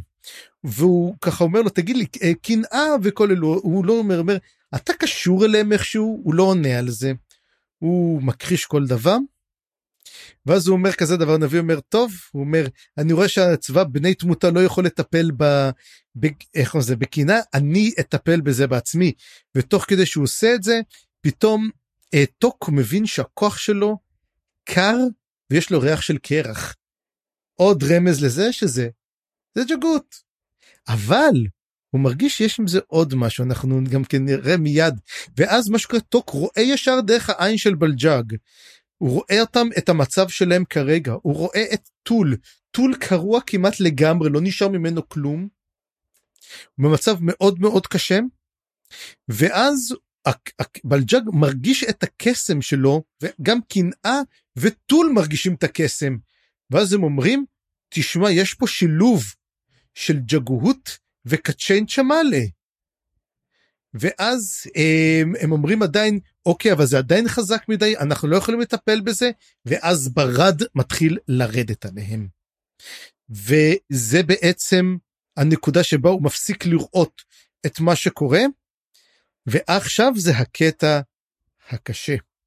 טוק רואה בעצם את הג'גהות בתוך הגוף של הנביא הוא ממש רואה אותו בבהירות הוא רואה אותו שיש ממנו שורשים אפורים מתוך הרגליים ויורדים למטה בעירוב שנראה כמו כאב או אקסטזה אבל הוא משתמש בג'גהות בכישוף עתיק עוד יותר וקטלני עוד יותר מאומטוז פלק.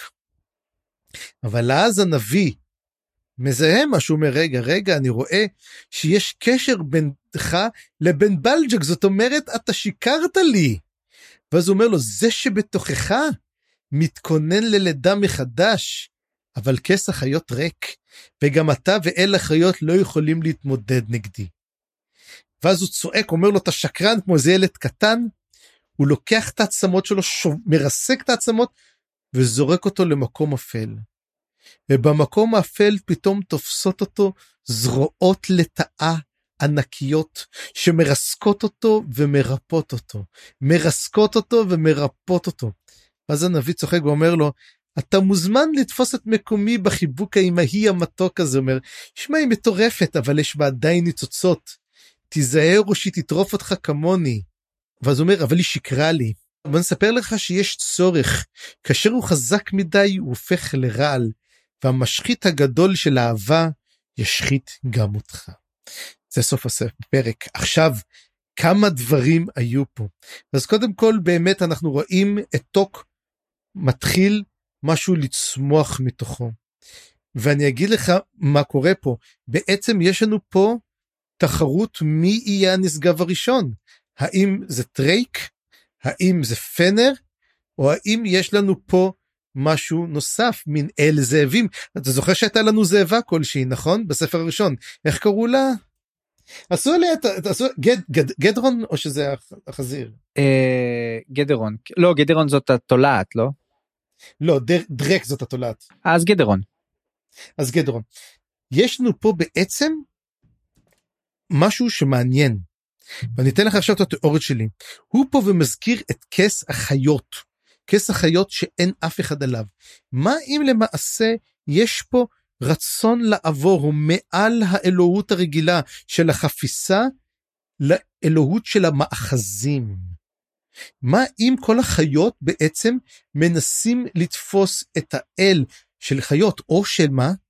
האי הזה, אותו בלג'אג, הוא למעשה האל של התלן אימס, והוא זה ששרד והוא ראה שלמעשה כולם הולכים למות, ואלת, ומה שקורה, הקפיאו אותו בזמן, ולמעשה האל לא מת, אל אחרת לא מת. פשוט המשעול מחכה שמישהו יתפוס אותה מחדש לקריאה השנייה, ודרך טוק הוא הולך להופיע, הולך להיוולד בו למעשה האל, האל הזה, ואני חושב שבלג'וג בעצם הוא אל.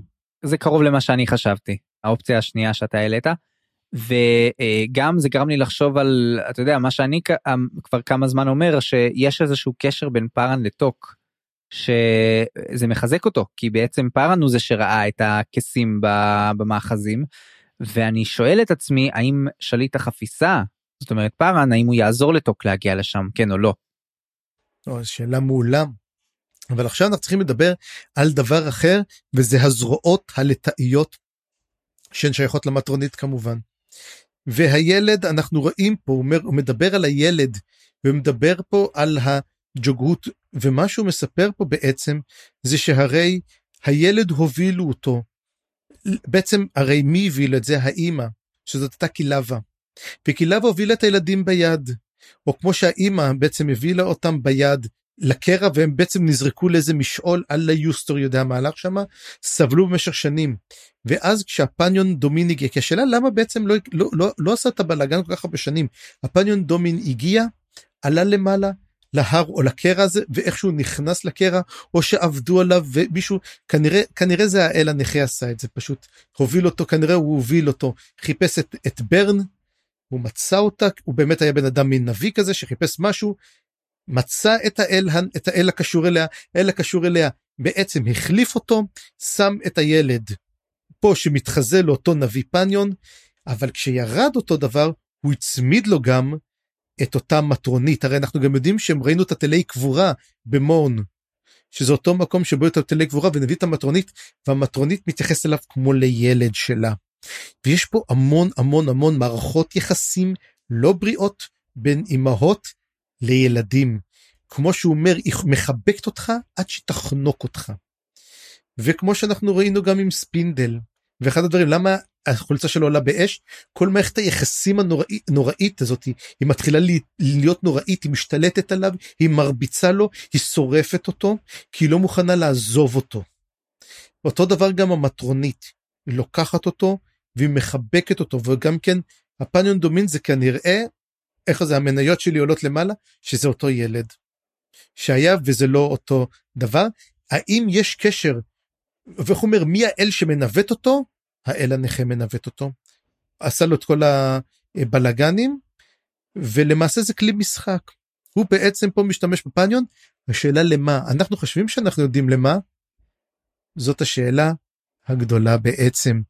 ומה שהוא אמר בסוף כמובן נורא נורא קשה לי, כי הוא אומר, הוא אומר שוברים אותו ומרפאים אותו, שוברים אותו ומרפאים אותו, והוא אומר, המשחית הגדול ישחית גם אותך.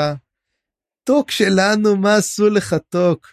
ועכשיו, האם בעצם הרגו את טרייק כדי שיוולד מחדש, או כל דבר, או בעצם לחסל את האפשרויות, ולמעשה, אותו אחד, אותו אל נכה, מתכוון להשתלט על כס החיות בעצמו.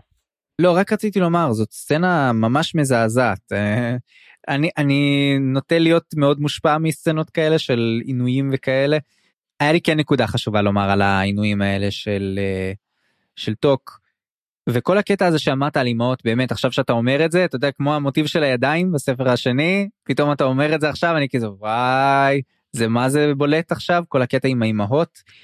כשקצת אה, למדתי פסיכולוגיה ו, ויש את העניין הזה של אהבת אם ויש לאהבת אם צד צד מאוד מאוד מאוד אפל אה, כל באמת העניין הזה של אם שלא משחררת אם שאוהבת בצורה שיכולה להיות הרסנית מאוד כי היא לא נותנת מקום לי, ל, לילד או לילדה ל, לקבל עצמאות ולהתפתח והיא חוסמת אותם כי היא רוצה אותם. וזה כל הסיפור פה בעצם וגם עכשיו אני חושב גם על המייבי. אתה יודע כי כי המייבי בעצם היא משפחות היא... זה אימהות אימהות וילדים אימהות לגמרי וילדים, זה בכלל וזה גם משפחה כי תחשוב שגם כן האלים הם גם האבות של העם שלהם. יש לנו פה ממש מוטיבים משפחתיים מאוד מאוד חזקים פה בספר. אגב אם מישהו רוצה לקרוא ספרים ממש ממש ממש טובים על הדברים האלו שהם לא פנטזיה אחד זה קרי של סטפן קינג הספר הראשון שלו שממש מדבר על הנושא הזה. והספר השני זה אודריאן המתוקה שלי של ויסי אנדרוס לפני שהיא מתה. זאת אומרת ויסי אנדרוס אחת הסופרות היחידות שאחרי שהיא מתה כתבה עוד יותר ספרים ממה שהיא חיה. אשכרה היא כתבה, את, היא כתבה את פרחים בעליית הגג גם כן יש לה בעיות גם כן עם משפחה גם כן ספר על נושא של הימורות חונקת אבל אודריאן המתוקה שלי אחלה ספר על הנושא. טוב אני חושב שעם הדברים האלה נעצור פה את הפרק אני מקווה שנגלה בקרוב מה קורה עם טוק ושמצבו יהיה טוב אבל לך תדע. טוק שלי אתה יודע מה אולי עדיף היום להישאר באזור הכאוס הזה טוק המתוק כן. אה אה הייתה לי עוד נקודה סתם היה שם קטע קטן על, על אה, כשהוא דיבר כשהוא ראה את החיזיון דרך העיניים של בלג'אג אה, תוך כדי הפגישה אז היה שם תיאור קטן על, ה, על גר, גרת או כן כן הכלב גרס. אז היה שם תיאור של לא שדיבר על זה שיש לו דם כאוס, דם כאוטי. יש שם קטע. משהו כזה, כן, יש משהו, אני... גרם לי לחשוב רגע, מה זה אומר שיש לו דם כאוטי? האם זה אומר שהוא סוג של חוצן מגיע ממשעול אחר, אולי משהו כזה? מאוד מאוד חיבר אותי לכלבי הצללים. אבל לך תדע אם זה באמת קשור, אבל זה סתם הייתה המחשבה שלי כשקראתי את זה. האם הוא אחד הגלגול שלהם? אולי, אני לא יודע, אנחנו מחכים עדיין לגלגול הזה, אבל בלג'אג הוא לגמרי לא כלב, אמרתי לך, זאת התיאוריה שלי, מה אני חושב שהוא. טוב, פרק 13. אני אנסה לעשות אותו מהר.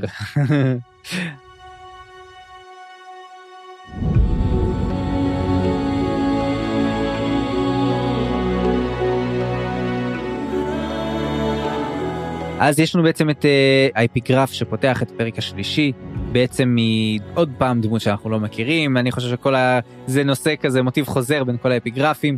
גוריד פאלה, שכותב את ההיסטוריה של המלחמות הפניוניות, ובאמת, כנראה שזה באמת קטע שנכתב בעתיד, כי אנחנו מתארים את, את, את הדברים שקורים ממש ברגעים אלה, אבל במבט לאחור. אז יש לנו בעצם את צבא דוז'ק, והוא הנושא של הקטע הזה, ממש ממש מדבר עליו בצורה מהללת ומסביר את החוזקות שלו ומדבר על מה שקרה לו. אני לא אתעכב על זה יותר מדי, אבל בעצם היה פה נקודה מאוד מאוד חזקה. קודם כל הוא קצת מונה פה בצורה טרחנית את הצבא וככה קצת סטטיסטיקות על זה שרוב החיילים הם בין 25 ל-35.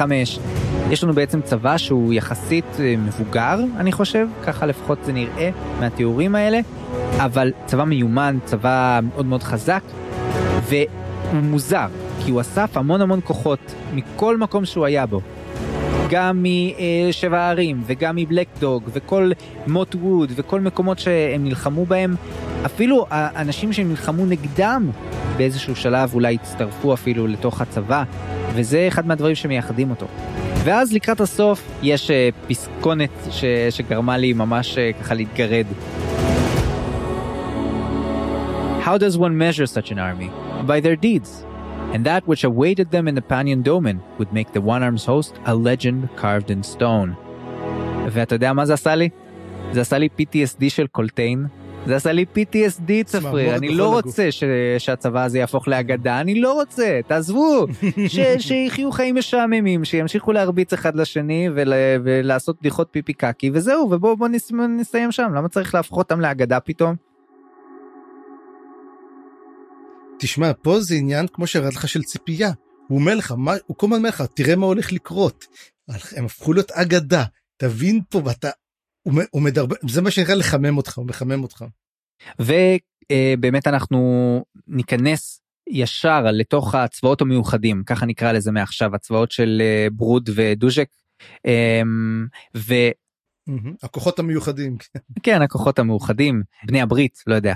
ויש לנו בעצם כל הפרק כמו הפרקים הקודמים מתעסק במיוחד באזור הזה ואנחנו נקבל כמה נקודות מבט אבל זה מתחיל באמת מהמייבי ונגמר במייבי. וזה מתחבר כמובן למוטיב שדיברת עליו עכשיו אבל באמת המייבי במחשבותיה היא כבר מתה. היא ממש סוג של קליפה כזאת של מה שהיא הייתה ועכשיו היא רק אמצעי תזונה של סילבר פוקס ובאמת פה אנחנו נמצאים אני חושב בשפל שהיה עד עכשיו כאילו גם מקודם היא לא הייתה במצב טוב אבל עכשיו היא באמת בשפל והיא רואה כל מיני חזיונות וויסקי ג'ק ששומע על כך מקורלט מבין שהוא רוצה לדבר איתה.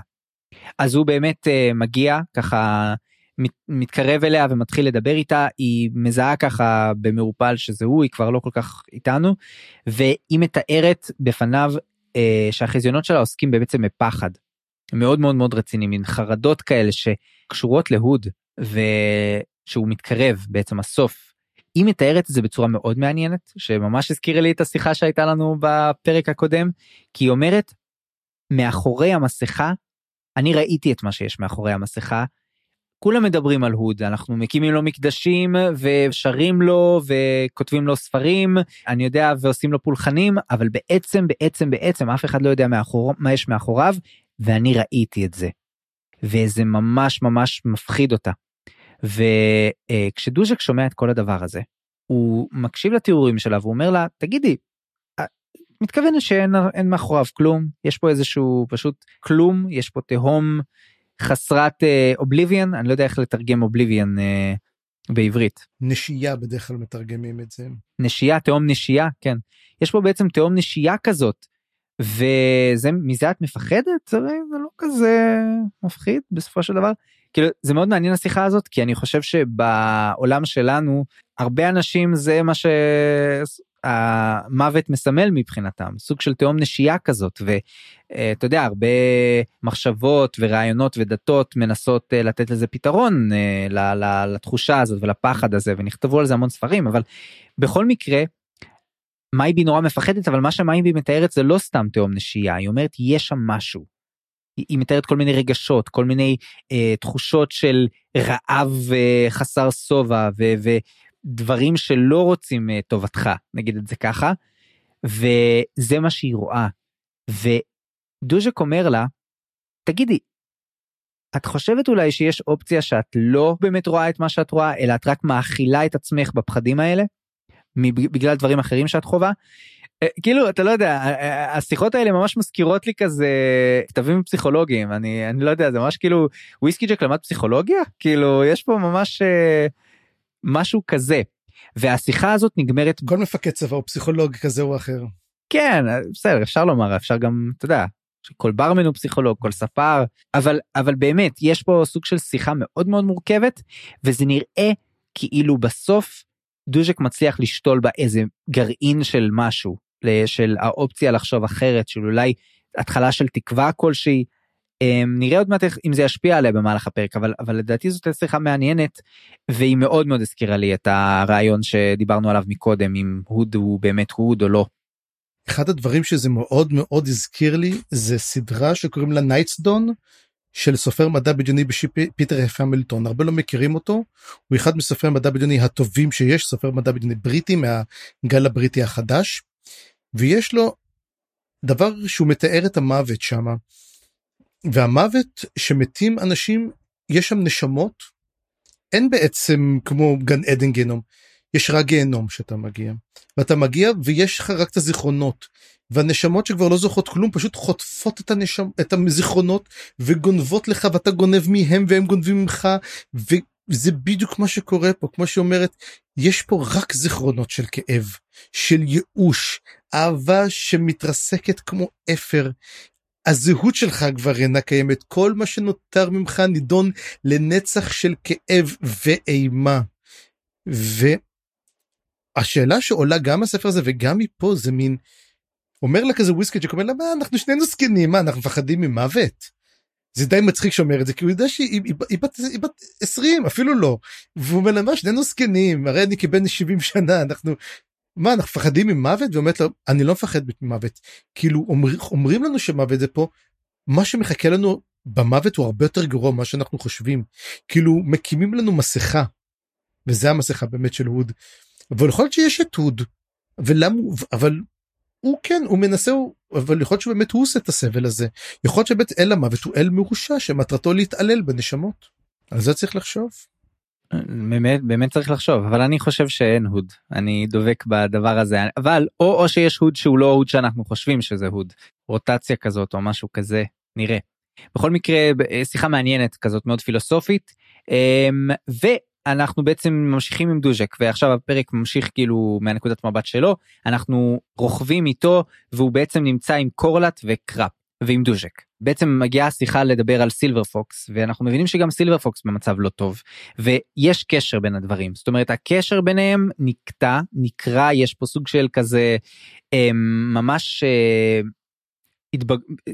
אולי אפילו אה, תקופת התבגרות מאוחרת של אה, של סילבר פוקס זה מצחיק להגיד מאוחרת כי הכל קורה כל כך מהר אבל בעצם גם המייבי מתארת איך סילבר פוקס ממש עכשיו גדלה אמ, נהיית אישה והיא מתארת את זה שהיא כבר אה, מתמלאת וכל מיני דברים כאלה זה ממש mm-hmm. תיאור קלאסי כן של ההתבגרות שלה. וזה ממש והמייבי כאילו מגיע לשפל שלה אז יש פה בעצם באמת קרע ונתק כזה אבל סילבר פוקס לא במצב טוב. היא לא רוצה לדבר עם אף אחד היא מנותקת היא, היא ממש לא קשורה להכל ובעצם אנחנו מבינים שהם רוצים לדעת מה קורה איתה אז אז בעצם בהמשך גם וויסקי ג'ק ילך לנסות לדבר איתה. וויסקי ג'ק ממש מת, מתפעל פה את האירוע הזה בצורה מאוד מאוד מעניינת הוא כאילו ממש אה, מזיז פה את העניינים בצורה מאוד מאוד מעניינת.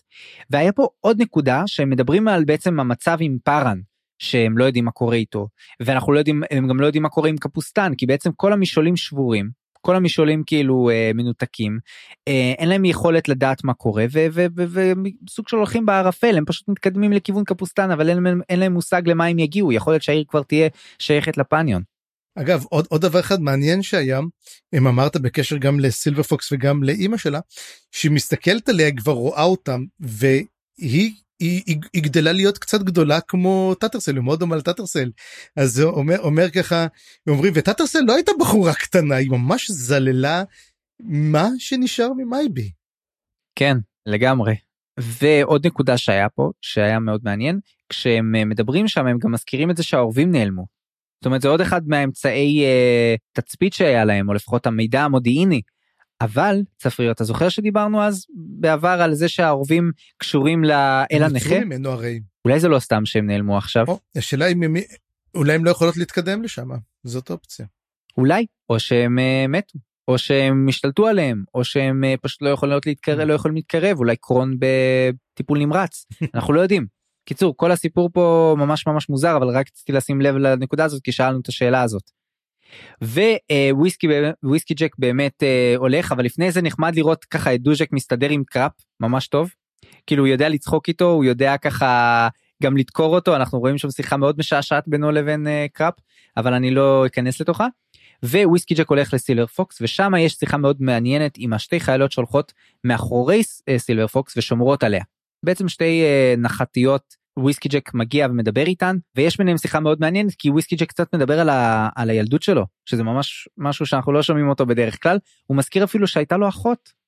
והאחות שלו הייתה מאוד מאוד מאוד קשוחה כי הוא רואה שהחיילות האלה מאוד מאוד קשוחות והוא שואל אותן תגידו יש לכם בטח אחים נכון? וכזה כן שבע הם כולם ברחו מהבית.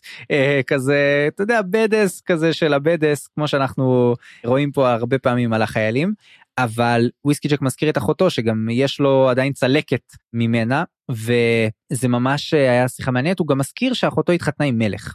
זה מה שהיא אמרה לו. זה מה שהיא אמרה לו. כן. והשאלה אולי באמת התחתנה עם מלך אבל אז חשבתי לעצמי רגע יש לנו בכלל מלכים בעולם הזה? המלך היחיד שאנחנו מכירים זה זה קלור. לא שמענו על בן אדם אחר שהטייטל שלו זה מלך עד כה. יכול להיות שזה ביבשת אחרת שעדיין אנחנו לא מכירים. יכול להיות אבל סתם שאלה מעניינת מי זאת אחותו של וויסקי ג'ק כן. ואיפה היא נמצאת אולי נגלה מתישהו ואולי זה סתם רמז כזה בשביל רד uh, הרינג ואז הוא בעצם uh, מתחיל לדבר עם סילבר פוקס. הוא מדבר עם סילבר פוקס ובעצם השיחה מתחילה uh, לסוב סביב הנושא הזה של העול שמאוד מתחבר לנקודה שדיברנו מקודם על פארן בעצם העול הזה שסילבר פוקס מאוד מאוד נהיית מרירה בגללו והיא מרגישה אותו מאוד חזק אבל בעצם רגע סילבר פוקס לא מפקדת על שום דבר אבל אנחנו צריכים לזכור שסילבר פוקס בעצם עכשיו שולטת על התלן אימאסים והם הולכים להתקרב, להתקרב לפה והולכת להיות האספה הגדולה ומי יודע איך סילבר פוקס בעצם הולכת אה, לתפקד בדבר הזה ובמיוחד אחריו אבל נראה שזה מאוד משפיע עליה לרעה. היא, היא מרגישה עול של מאות אלפים היא אומרת ואתה דוז'ק אתה וויסקי ג'ק. בסדר יש לך עוד של כמה עשרות אלפים אבל זה לא זה לא באמת אה, זה לא באמת שווה ערך. אז אתה צריך להבין את המקום שלי. וזאת שיחה כזאת אה, מעצבנת קצת אתה חייב להסכים איתי לא? סילבר פוקס היא לא טאטרסל צריך לזכור את זה יש בה המון המון מטאטרסל אבל היא גם הרבה דברים אחרים הוא שילוב של עוד כמה דברים. זאת אגב הסיבה שהחיילות האלה החליטו לשמור עליה כי מזהות בה את טאטרסל. כן. ה fair exchange כמו שאומרים ה fair exchange כי תמיד היא שומרות עליה והיא שומרת עליהם תמיד זה ככה. אנחנו אין לנו מושג דרך אגב מי הנחתיות האלו לא לא נתקלנו בהן. אמ, בקיצור השיחה הזאת אה, נקטעת באירוע מאוד מאוד מעניין ולא צפוי. אנחנו בעצם מקבלים כניסה מאוד מאוד דרמטית של הטריגלים שבעצם אה, הרבה זמן כבר חיכו להם כי בעצם הם מביאים את האספקה לצבא והם נכנסים בצורה מאוד מאוד מבולגנת נפתחים מין פתחים כאלה של משעולים וכשהם יוצאים נחלים של דם פשוט זורמים מתוך הפתחים האלה ולא עגלה הייתי אומר הקרון הראשון פשוט מתרסק הסוסים עפים לכל מקום אנשים שהשומרים שנמצאים על העגלות מתים ויש פה בעצם ממש ממש ממש אה, כזה בלגן רציני. ו... אגב יש פה תיאור מאוד מאוד טוב של הטריגלים האלה אנחנו מתחילים קצת לקבל עליהם אפיונים יותר ממה שראינו בספר השני. הטריגלים האלה הם ממש אה, חבורה ביורוקרטית מצד אחד מצד שני סופר פרגמטית כאילו הם מוכנים לעשות כל דבר ואני מתחיל להבין למה אנשים גם מוכנים להיות שומרים שם וזה לכולם שם יש shares לכולם יש מניות בחברה. נכון. כל תפקיד הכי קטן אתה יודע זה מזכיר לי קצת הייטק אה, שלכולם יש כזה אופציות יש אופציות כן ובסוף בסוף גם אם אתה לא המנכ"ל או סמנכ"ל אתה יוצא עם uh, רווחים נעים יכול להיות אם הסטארט-אפ מצליח mm-hmm. ו, וזה בדיוק מה שקורה שם יש שם בעצם חבורה כזאת והם כזה נורא פרגמטיים נורא כאלה תכלסים. ודווקא זה זה עובד להם כי, כי למרות שהיה להם בלאגן הם צריכים להגיע והם נורא סבבה עם זה שהיה להם נורא קשה להגיע. הם, הם הרי בבעיה כי גם, ה, גם להם המשעולים נתקעים אבל הם, מצל, הם מוצאים דרך ככה גם קראפ אומר. הם מכבדים מאוד את החוזה אם, אם הם צריכים להגיע הם יצליחו הם ימצאו דרך להגיע. אמ, ויש אמ, פה גם קטע מאוד מעניין שמזכיר לנו את הספר השני ונותן לנו קצת אה, עוד פעם טיים פריים כמו שהוא אוהב לעשות.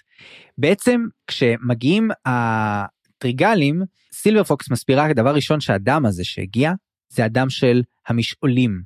ואנחנו כבר יודעים מה זה הדם של המשעולים זה הדם של קרול בעצם.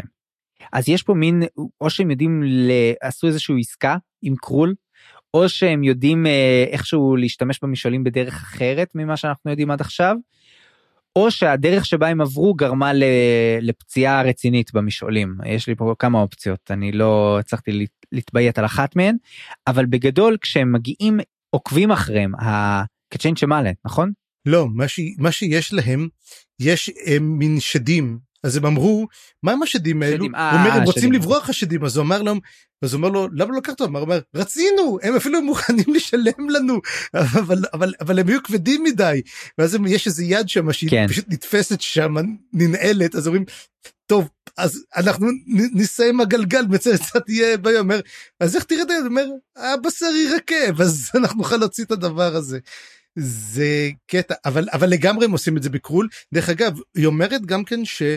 לא רגע רגע רגע אז היד אה. הזאת חשובה. אוקיי אז תגיד על היד. אתה זוכר למה? לא זוכר שהיא משתי צדדים ואז היא ננעלת למה? כי, כי ראינו אותה. זה היד ש... זאת היד שראינו כשהטריגלים הגיעו בספר השני. ועדיין הייתה מחוברת. נכון הייתה שם יד מחוברת ושאלנו את עצמנו מה זאת היד הזאת מה מאיפה היא הגיעה. זה משם כן משם בספר אז עכשיו יש לנו חיבור כן. עכשיו אנחנו מבינים למה היא הייתה שם, אבל יותר מזה, אנחנו מקבלים גם טיים פריים. בעצם אנחנו יודעים שמתי שהטריגלים יגיעו מדוז'ק לחזרה לקולטיין, זה יהיה אחרי האירוע הזה. מתישהו אחרי האירוע הזה, אולי מיד אחרי, אולי כשהם ישלחו אותם עכשיו זה יהיה לקולטיין. היד אבל תחזיק מעמד עד אז, זה כן. אבל אבל כן אבל כן משהו מעניין שהסוחר קוראים לו הרדס ואני לא זוכר שזה יהיה השם של אותו אחד ב... אז יכול להיות שהוא לא ישרוד.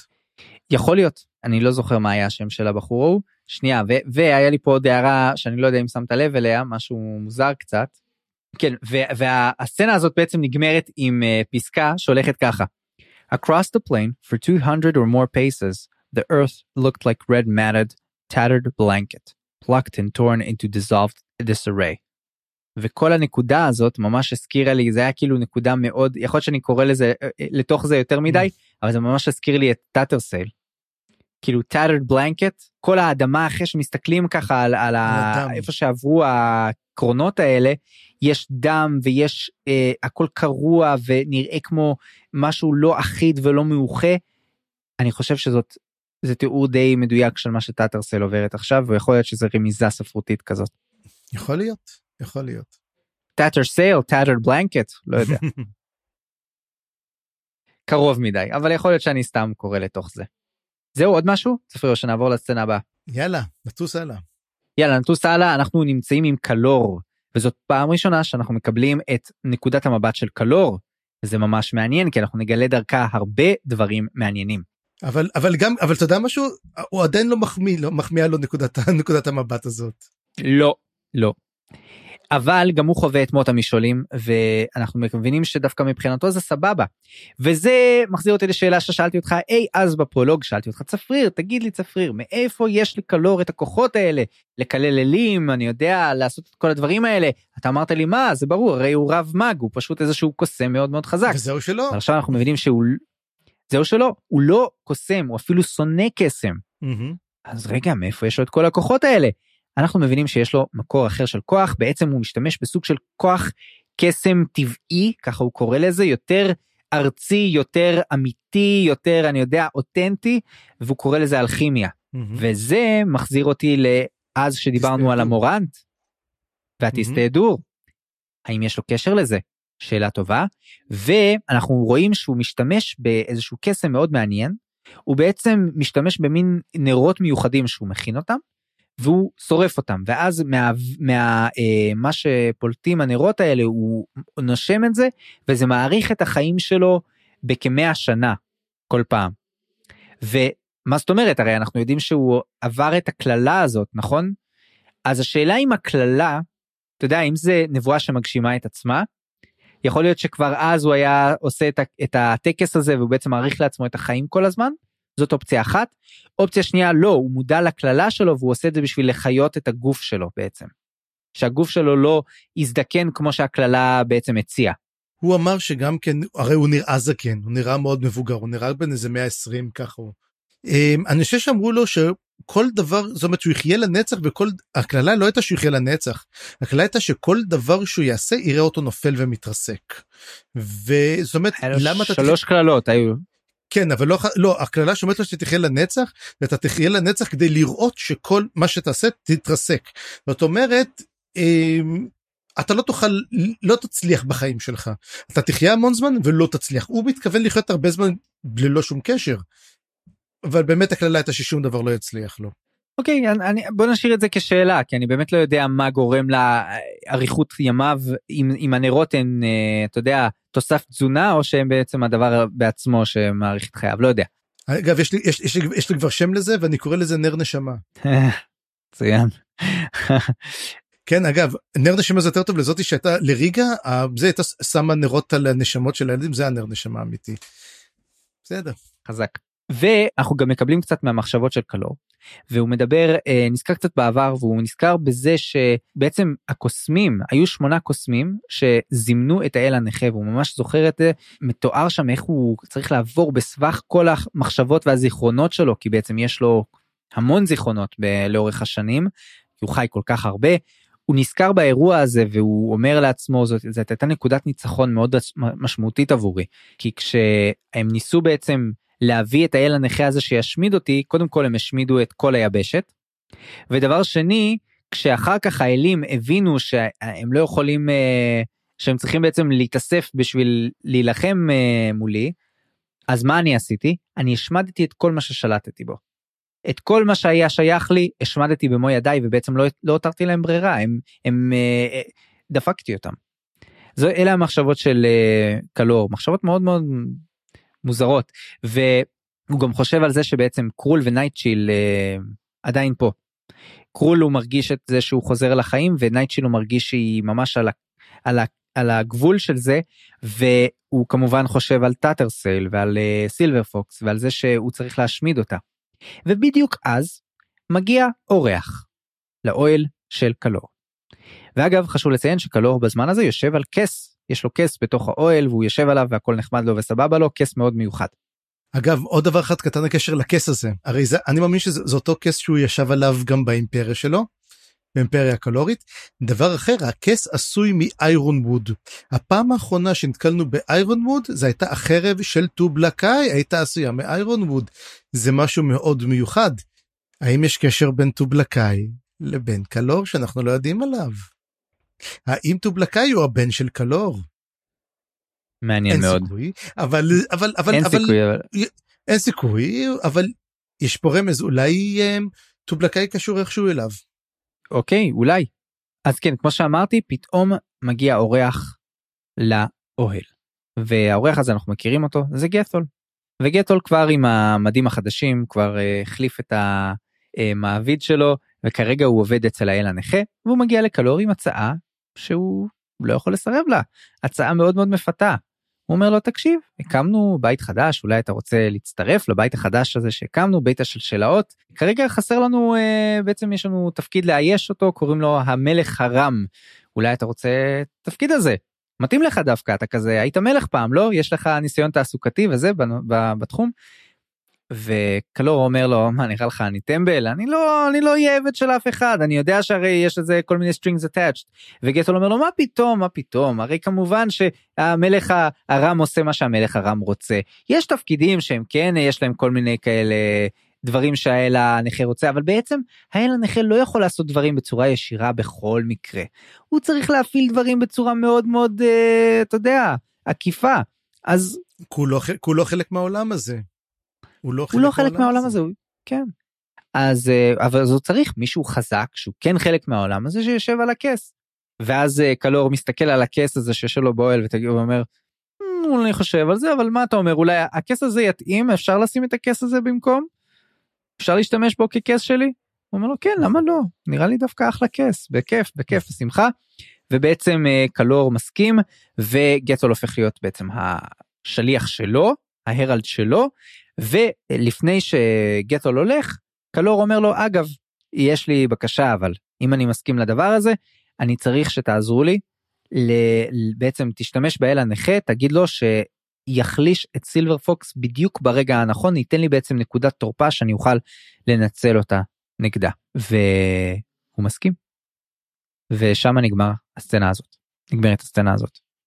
רק דבר אחד קטן, גטל אומר לו יש לי רק בקשה אחת קטנה אנחנו לא יודעים איפה נמצאים הטיסטה אנדי זאת אומרת אנחנו לא יודעים איפה נצר הירח הוא נעלם וזה חלק וזה מין פיסה שאנחנו לא יודעים למצוא אותה ואנחנו רוצים שתתן לנו את התשובה ותודיע לנו איפה זה נמצא אז הוא אומר לו מה לרגל הוא אומר. אז גטו אומר לו מה, מה, זה חדש לך זה כאילו לא עשית את זה אף פעם אז הוא אומר לו לא אין בעיה ואז הוא דורש בעצם בתמורה את הדבר הזה אז זאת אומרת אנחנו גם כן חושבים איפה באמת כל הטיסטי אנדי נמצאים זאת אומרת יש כמה טיסטי אנדי בצבא אבל איפה נצר הירח עצמו. איפה הוא מסתתר. שאלה מצוינת במיוחד לאור הסצנה הבאה שהייתה מאוד מפתיעה מבחינתי. אנחנו עוברים לסצנה חזרה לוויסקי ג'ק וויסקי ג'ק פוגש את קורלט ויש ביניהם שיחה מאוד מעניינת. שיחה שאפילו על ההתחלה כזה או מה רגע מה קורה פה? קורלט מניחה עליו את היד ומתחילה לדבר איתו ותוך כדי השיחה היא לא מורידה את היד ומתחיל מאוד מאוד להיראות כאילו יש ביניהם איזשהו חיבור אה, יותר מסתם ידידי ידידותי. אפשר לומר ידידי נכון? ידידי כן. ואם ידידי אה, בוא תקשיב אז אה, הם מתחילים לדבר וקורלט בעצם אה, פונה ממש לרגשות הישירות של וויסקי ג'ק היא ממש קוראת אותו טוב היא מתחילה לדבר על הדאגות שלו והיא מונה אותן בצורה די מרשימה אני חושב. כל הזמן הזה הוא תוהה על השאלה למה זה בכלל מטריד אותך? תגידי מה מה אכפת לך מכל הדאגות שלי והחששות שלי וזה שאנחנו הולכים עכשיו להציל את קפוסטן ולא את לא מהעולם הזה בכלל ובכלל כל, כולכם כל הטיסטי אנדי. זה לא פעם ראשונה שאני פוגש אתכם אנחנו נלחמנו נגדכם המון זמן בבלקטוק פורסט. אני זוכר איך איך היה המון המון כבוד הדדי בלוחמה הזאת מצד אחד ומצד שני הייתי הי, היינו מוצאים כל מיני חפצים שלכם ומאיפה כל הדבר הזה מגיע למה פתאום אתם משתתפים בלוח, ב, בקרבות מה אכפת לכם מהעולם הזה for Christ's sake. והיא לא מציעה לזה תשובה ישירה אבל אני חושב שהדרך שבה היא מדברת והדברים שהתפתחו עוד רגע עונים על זה הרבה יותר טוב מכל תשובה שהיא הייתה יכולה לתת. כי בעצם באיזשהו שלב היא שואלת אותו תגיד אתה רוצה לבוא איתי לאוהל? והוא אומר לה הוא כזה בהתחלה חושב על זה ואז הוא אומר טוב יאללה בסדר סבבה אני מבין יש צ... בכל זאת זה צבא ויש מלחמה וצריך uh, והיא אומרת לו לא לא לא לא לא אתה לא הבנת אותי. אני לא רוצה סתם לבוא לאוהל שלך ושנפרוק את, uh, את, את יצרנו ואת הצרכים שלנו. לא לא אני רוצה שנהיה אוהבים. אני רוצה שתהיה אהוב שלי. והוא מסתכל עליה וכאילו זאת הייתה סצנה שאני כאילו נפלתי. קודם כל זה לא היה נראה לי הכי כאילו כנראה קרו שם דברים שלא שמנו לב אליהם. כנראה קרו דברים מחוץ למסך. אתה מבין מה אני מתכוון? לא יש תמיד יש תמיד שמדברים עם קורלט והוא יש ביניהם המון המון המון כבוד הדדי. ובמהלך הפרק הזה דרך אגב כל הזמן הדבר הראשון שאני עולה לי בראש זה כל פעם וויסקי ג'ק וויסקי ג'ק chick magnet. כל אחת מסתכלת עליו ורואה אותו ואומרת כן כן היה פה build-up אבל אבל זה כאילו בפרק הזה מאוד עבד קשה מאוד בפרק הזה בשביל כאילו להצדיק את זה מהמם. אבל כאילו זה באמת בא משום מקום עד עכשיו עד עכשיו לא הייתה לנו שום סצנת אהבה עם וויסקי ג'ק. משום כיוון כאילו לא הייתה מישהי שדיברה איתו כן הוא לא נראה שהוא מתעניין לא נראה שהוא מתעניין בכלל זה גם נכון. כן לא נראה שהוא מתעניין בכלל אבל פתאום ו- ועזוב כאילו הקפיצה הזאת של כאילו I love you כאילו סוג של ו- ומאיפה זה הגיע כאילו רגע בוא תכירו קצת אולי כאילו תצאו לדייט לא יודע הם כן כבר כמה חודשים שם בפייל והולכים דוקר זמן. נכון נכון ו... אבל אני אני אומר זה, זה מעניין אני לא אומר את זה אגב כ, כביקורת אני חושב שזה היה זאת הייתה סצנה מאוד מאוד חזקה ומגניבה אני פשוט כאילו אותי זה נורא הפתיע אוקיי? ו, ואז איך שוויסקי ג'ק מגיב זה גם מעניין כי הוא אומר לה תגידי אתם לא אה, חברים אחד של השני? כאילו אין לך איזה טיסטי אנדי בבית שמחכה לך? והיא אומרת לו לא דווקא טיסטי אנדי לא לא מסתדרים טוב אחד עם השני לא מחפשים את זה אחד אצל השני. לא, לא היא אומרת היא אומרת למה. לא, היא אומרת כזה למה כאילו לחיות לנצח ביחד כאילו זה לא אין בזה את ההתרגשות אין בזה את העניין אז הוא אומר ומה ילדים אז היא אומרת כן ילד בשביל להסיח את הדעת מדי פעם אבל. לא מתוך לא שעמום בעיקר. מתוך שעמום בדרך כלל איזה נורא זה מתוך שעמום מביאים ילד כן איזה כן לא גזע. הטיסטי אנדי הם לא הם לא יכולים לחיות אחד עם השני הם לא הם לא מעניינים אחד את השני הם כבר עברו את זה. הראו את הכל יודע, כבר אמרו את כנראה הכל. כל כנראה כל טיסטיאנדי מכיר כבר כל טיסטיאנדי אחר ואין להם שום עניין כבר של, אה, של אה, רומנטיקה אצלם. זה גם אגב מזכיר את השיחה עם וויסקי ג'ק ואנומנדר ריק. נכון שקרון שואלת אותו תגיד אנומנדר למה אתה עוד פעם מחפש פה קשר עם בני תמותה הרי הם מתים ואז אתה נורא מבואס מזה. גם הנומנדר צריך מישהו. אומר יש משהו מתוק בטעם הקצר הזה אבל עדיין שהוא מחפש כן. נחמה אמיתית הוא הולך לסילנה. בסדר אבל אבל אני אומר הוא לא היה צריך במקרה הזה הוא לא היה צריך נחמה מאופי רומנטי הוא היה זקוק לנחמה כאילו הוא היה זקוק לחבר הוא היה זקוק מהמם. למישהו שהוא יכול לדבר איתו ו, וקורלט זקוקה דווקא למאהב ו, ומה שמעניין פה זה שוויסקי ג'ק זורם איתה כנראה כן היה לו רגשות כלפיה מהמם. כנראה הוא אולי הוא מוכן ללכת על דבר כל כך מוזר וכנראה הוא כן גם מכבד אותה הוא מכיר אותה כבר כמה זמן כמו שאתה אומר. וזה תראה זה מצ'אפ שלא לא חשבתי עליו היה אבל היה, היה גם קטע אבל מאוד יפה שהוא נותן לה הוא נותן כן. את כל הדברים שהוא מצא. שהוא אומר ידעתי כן. שיום אחד אני אחזור אני אוכל למסור אותם אפילו שלא זה כי הוא חיבר אותם עוד מאותה תקופה של הבלק דוג פורסט שהם נלחמו. הוא שמר כי הוא ידע שיחזיר אותם. לגמרי וזה זה סיום מאוד uh, סימבולי של הפרק כי בעצם היא, הוא מושיט לה את, ה, את החפצים האלה שהוא השיב והיא שמה על, עליהם את היד וככה יד ביד הם הולכים לאוהל שלה כן. זו הייתה מאוד סצנה מתוקה כזאת ואולי אולי הגיע הזמן שתהיה סצנה כזאת גם בספר אני חושב. כן. והסצנה האחרונה אנחנו מגיעים בעצם חזרה למייבי שהתחילה את הפרק ומסיימת את הפרק והמייבי חוזרת לחלומות. והחלום של המייבי אותו חלום חוזר אבל הפעם יש לו טוויסט קטן. זאת אומרת היא נופלת לתוך תהום הנשייה שהיא נורא נורא מפחדת ממנו היא פשוט נופלת נופלת נופלת אבל פתאום היא מרגישה משהו שתופס אותה לא בצורה עדינה במיוחד אבל תופס אותה ומוציא אותה מתוך התהום. ומה שמפתיע צפריר זה שזה סוג של דרקון גדול על מת מהמם. תלני מסי שאנחנו אולי כבר מכירים סימן שאלה ודאי שמכיר ודאי שמכירים סימן קריאה. ולא רק זה אלא שתוך כדי מתחילים לדבר איתה כל מיני קולות. והקולות האלה מדברים איתה על סילבר פוקס ואומרים לה שהם כנראה תלנימסים כן הם אה, כנראה בון קסטרס מטילי עצמות והם אומרים הדרקון הזה מי שמציל אותך זה אחד המטילי העצמות החזקים ביותר שקיימים ואגב הם אומרים שזה מאוד מיוחד שהיא הצליחה לזמן אותה אותו ולא ברור אם מתכוונים למייבי או שמתכוונים לסילבר פוקס. יש לך מחשבה בכיוון הזה האם מייבי זימנה את הדרקון או הסילבר פוקס. סילבר פוקס נראה לי סילבר פוקס. אוקיי אני חושב שמה שהיא מנסה לעשות היא מנסה כביכול להציל את, ה, את הממייבי. היא מנסה איכשהו לחלץ אותה דרך החלום היא לא מסוגלת לחלץ אותה במציאות אלא דרך החלום אולי. כן. והם מזכירים את אה, קראפ גם ואת זה שכנראה יש חיזוק משמעותי לתיאוריה שלך צפריר שיכול להיות שקראפ הוא באמת או מטיל עצמות או עם uh, קשר לתלן נמאס כי הם אומרים שבתוך שלקראפ יש בעצם צורים שזה בעצם האבן התלן נמאסית הקלאסית כן יש בתוכו צורים או שהוא מחזיק בצורים וזה בעצם uh, מאוד מפתיע ככה אומרות אומרים הקולות. ובאותו רגע מייבי בעצם מתעוררת חזרה למציאות העגומה שלה שהגוף שלה שוב uh, uh, מרוסק ו- וזקן ומתפרק. וזה סוף החלק אבל לא לפני שאני אוסיף עוד תיאוריה קטנה. איזה כיף. קטנה, קטנה או גדולה אני חושב שאני יודע מה קורה למייבי מתוך התהום. תן. זאת המטרונית. Hmm, תסביר. אני אסביר.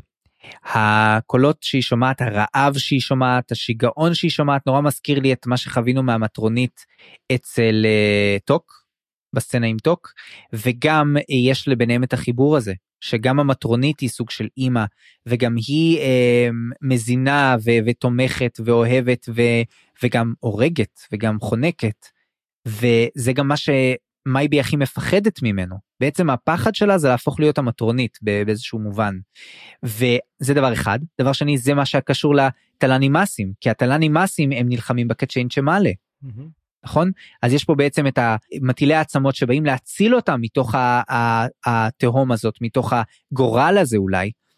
וזהו אין לי יותר מדי חיזוק לדבר הזה לכן אמרתי שזו תיאוריה קטנה אבל לדעתי היא מאוד מאוד חזקה יכול להיות שמה שהיא מרגישה שם בתהום זאת לא הוד זה לא המוות באמת אלא זה המטרונית של הקצ'יין שמעלה. וואו. אוקיי. מה שכן אז אנחנו בעצם סיימנו את החלק השני ועכשיו אני אומר למה אני אומר החלק השלישי מעניין כי השם של החלק השלישי הוא קפוסטן. ומה זה מעורר אלא כמובן המלחמה הגדולה בקפוסטן. אה, אני מקווה שתהיה כל האורך ודרך אגב זה אחד החלקים מאוד מאוד מאוד ארוכים ויקחו לנו בדרך כלל אם אתה שם לב אנחנו מסיימים כל פרק תוך אה, שני פרקים כל חלק החלק הזה ייקח לנו שלושה חלקים. יש פרקים מאוד מאוד מאוד ארוכים באמצע.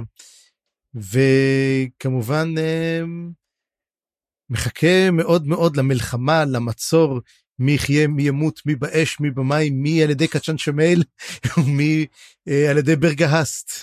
אני מאוד מקווה שטוק אה, עוד נשמע ממנו ושהמצב שלו לא יהיה, אני יודע, פליסין 2. כן, נקווה לטוב כמו שנאמר.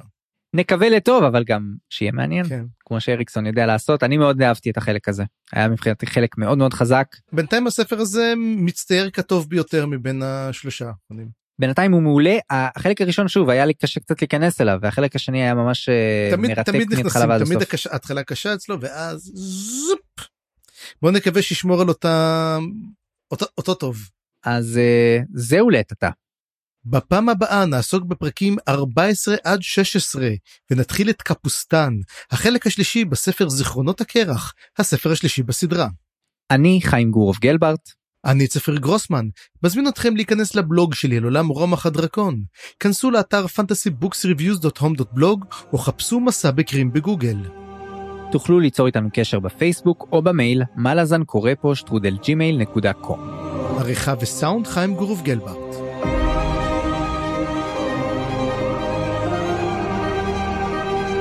הצטרפו אלינו לדיונים בקבוצת הפייסבוק מלאזן קבוצת קריאה. תודה שהאזנתם וניפגש בפרק הבא.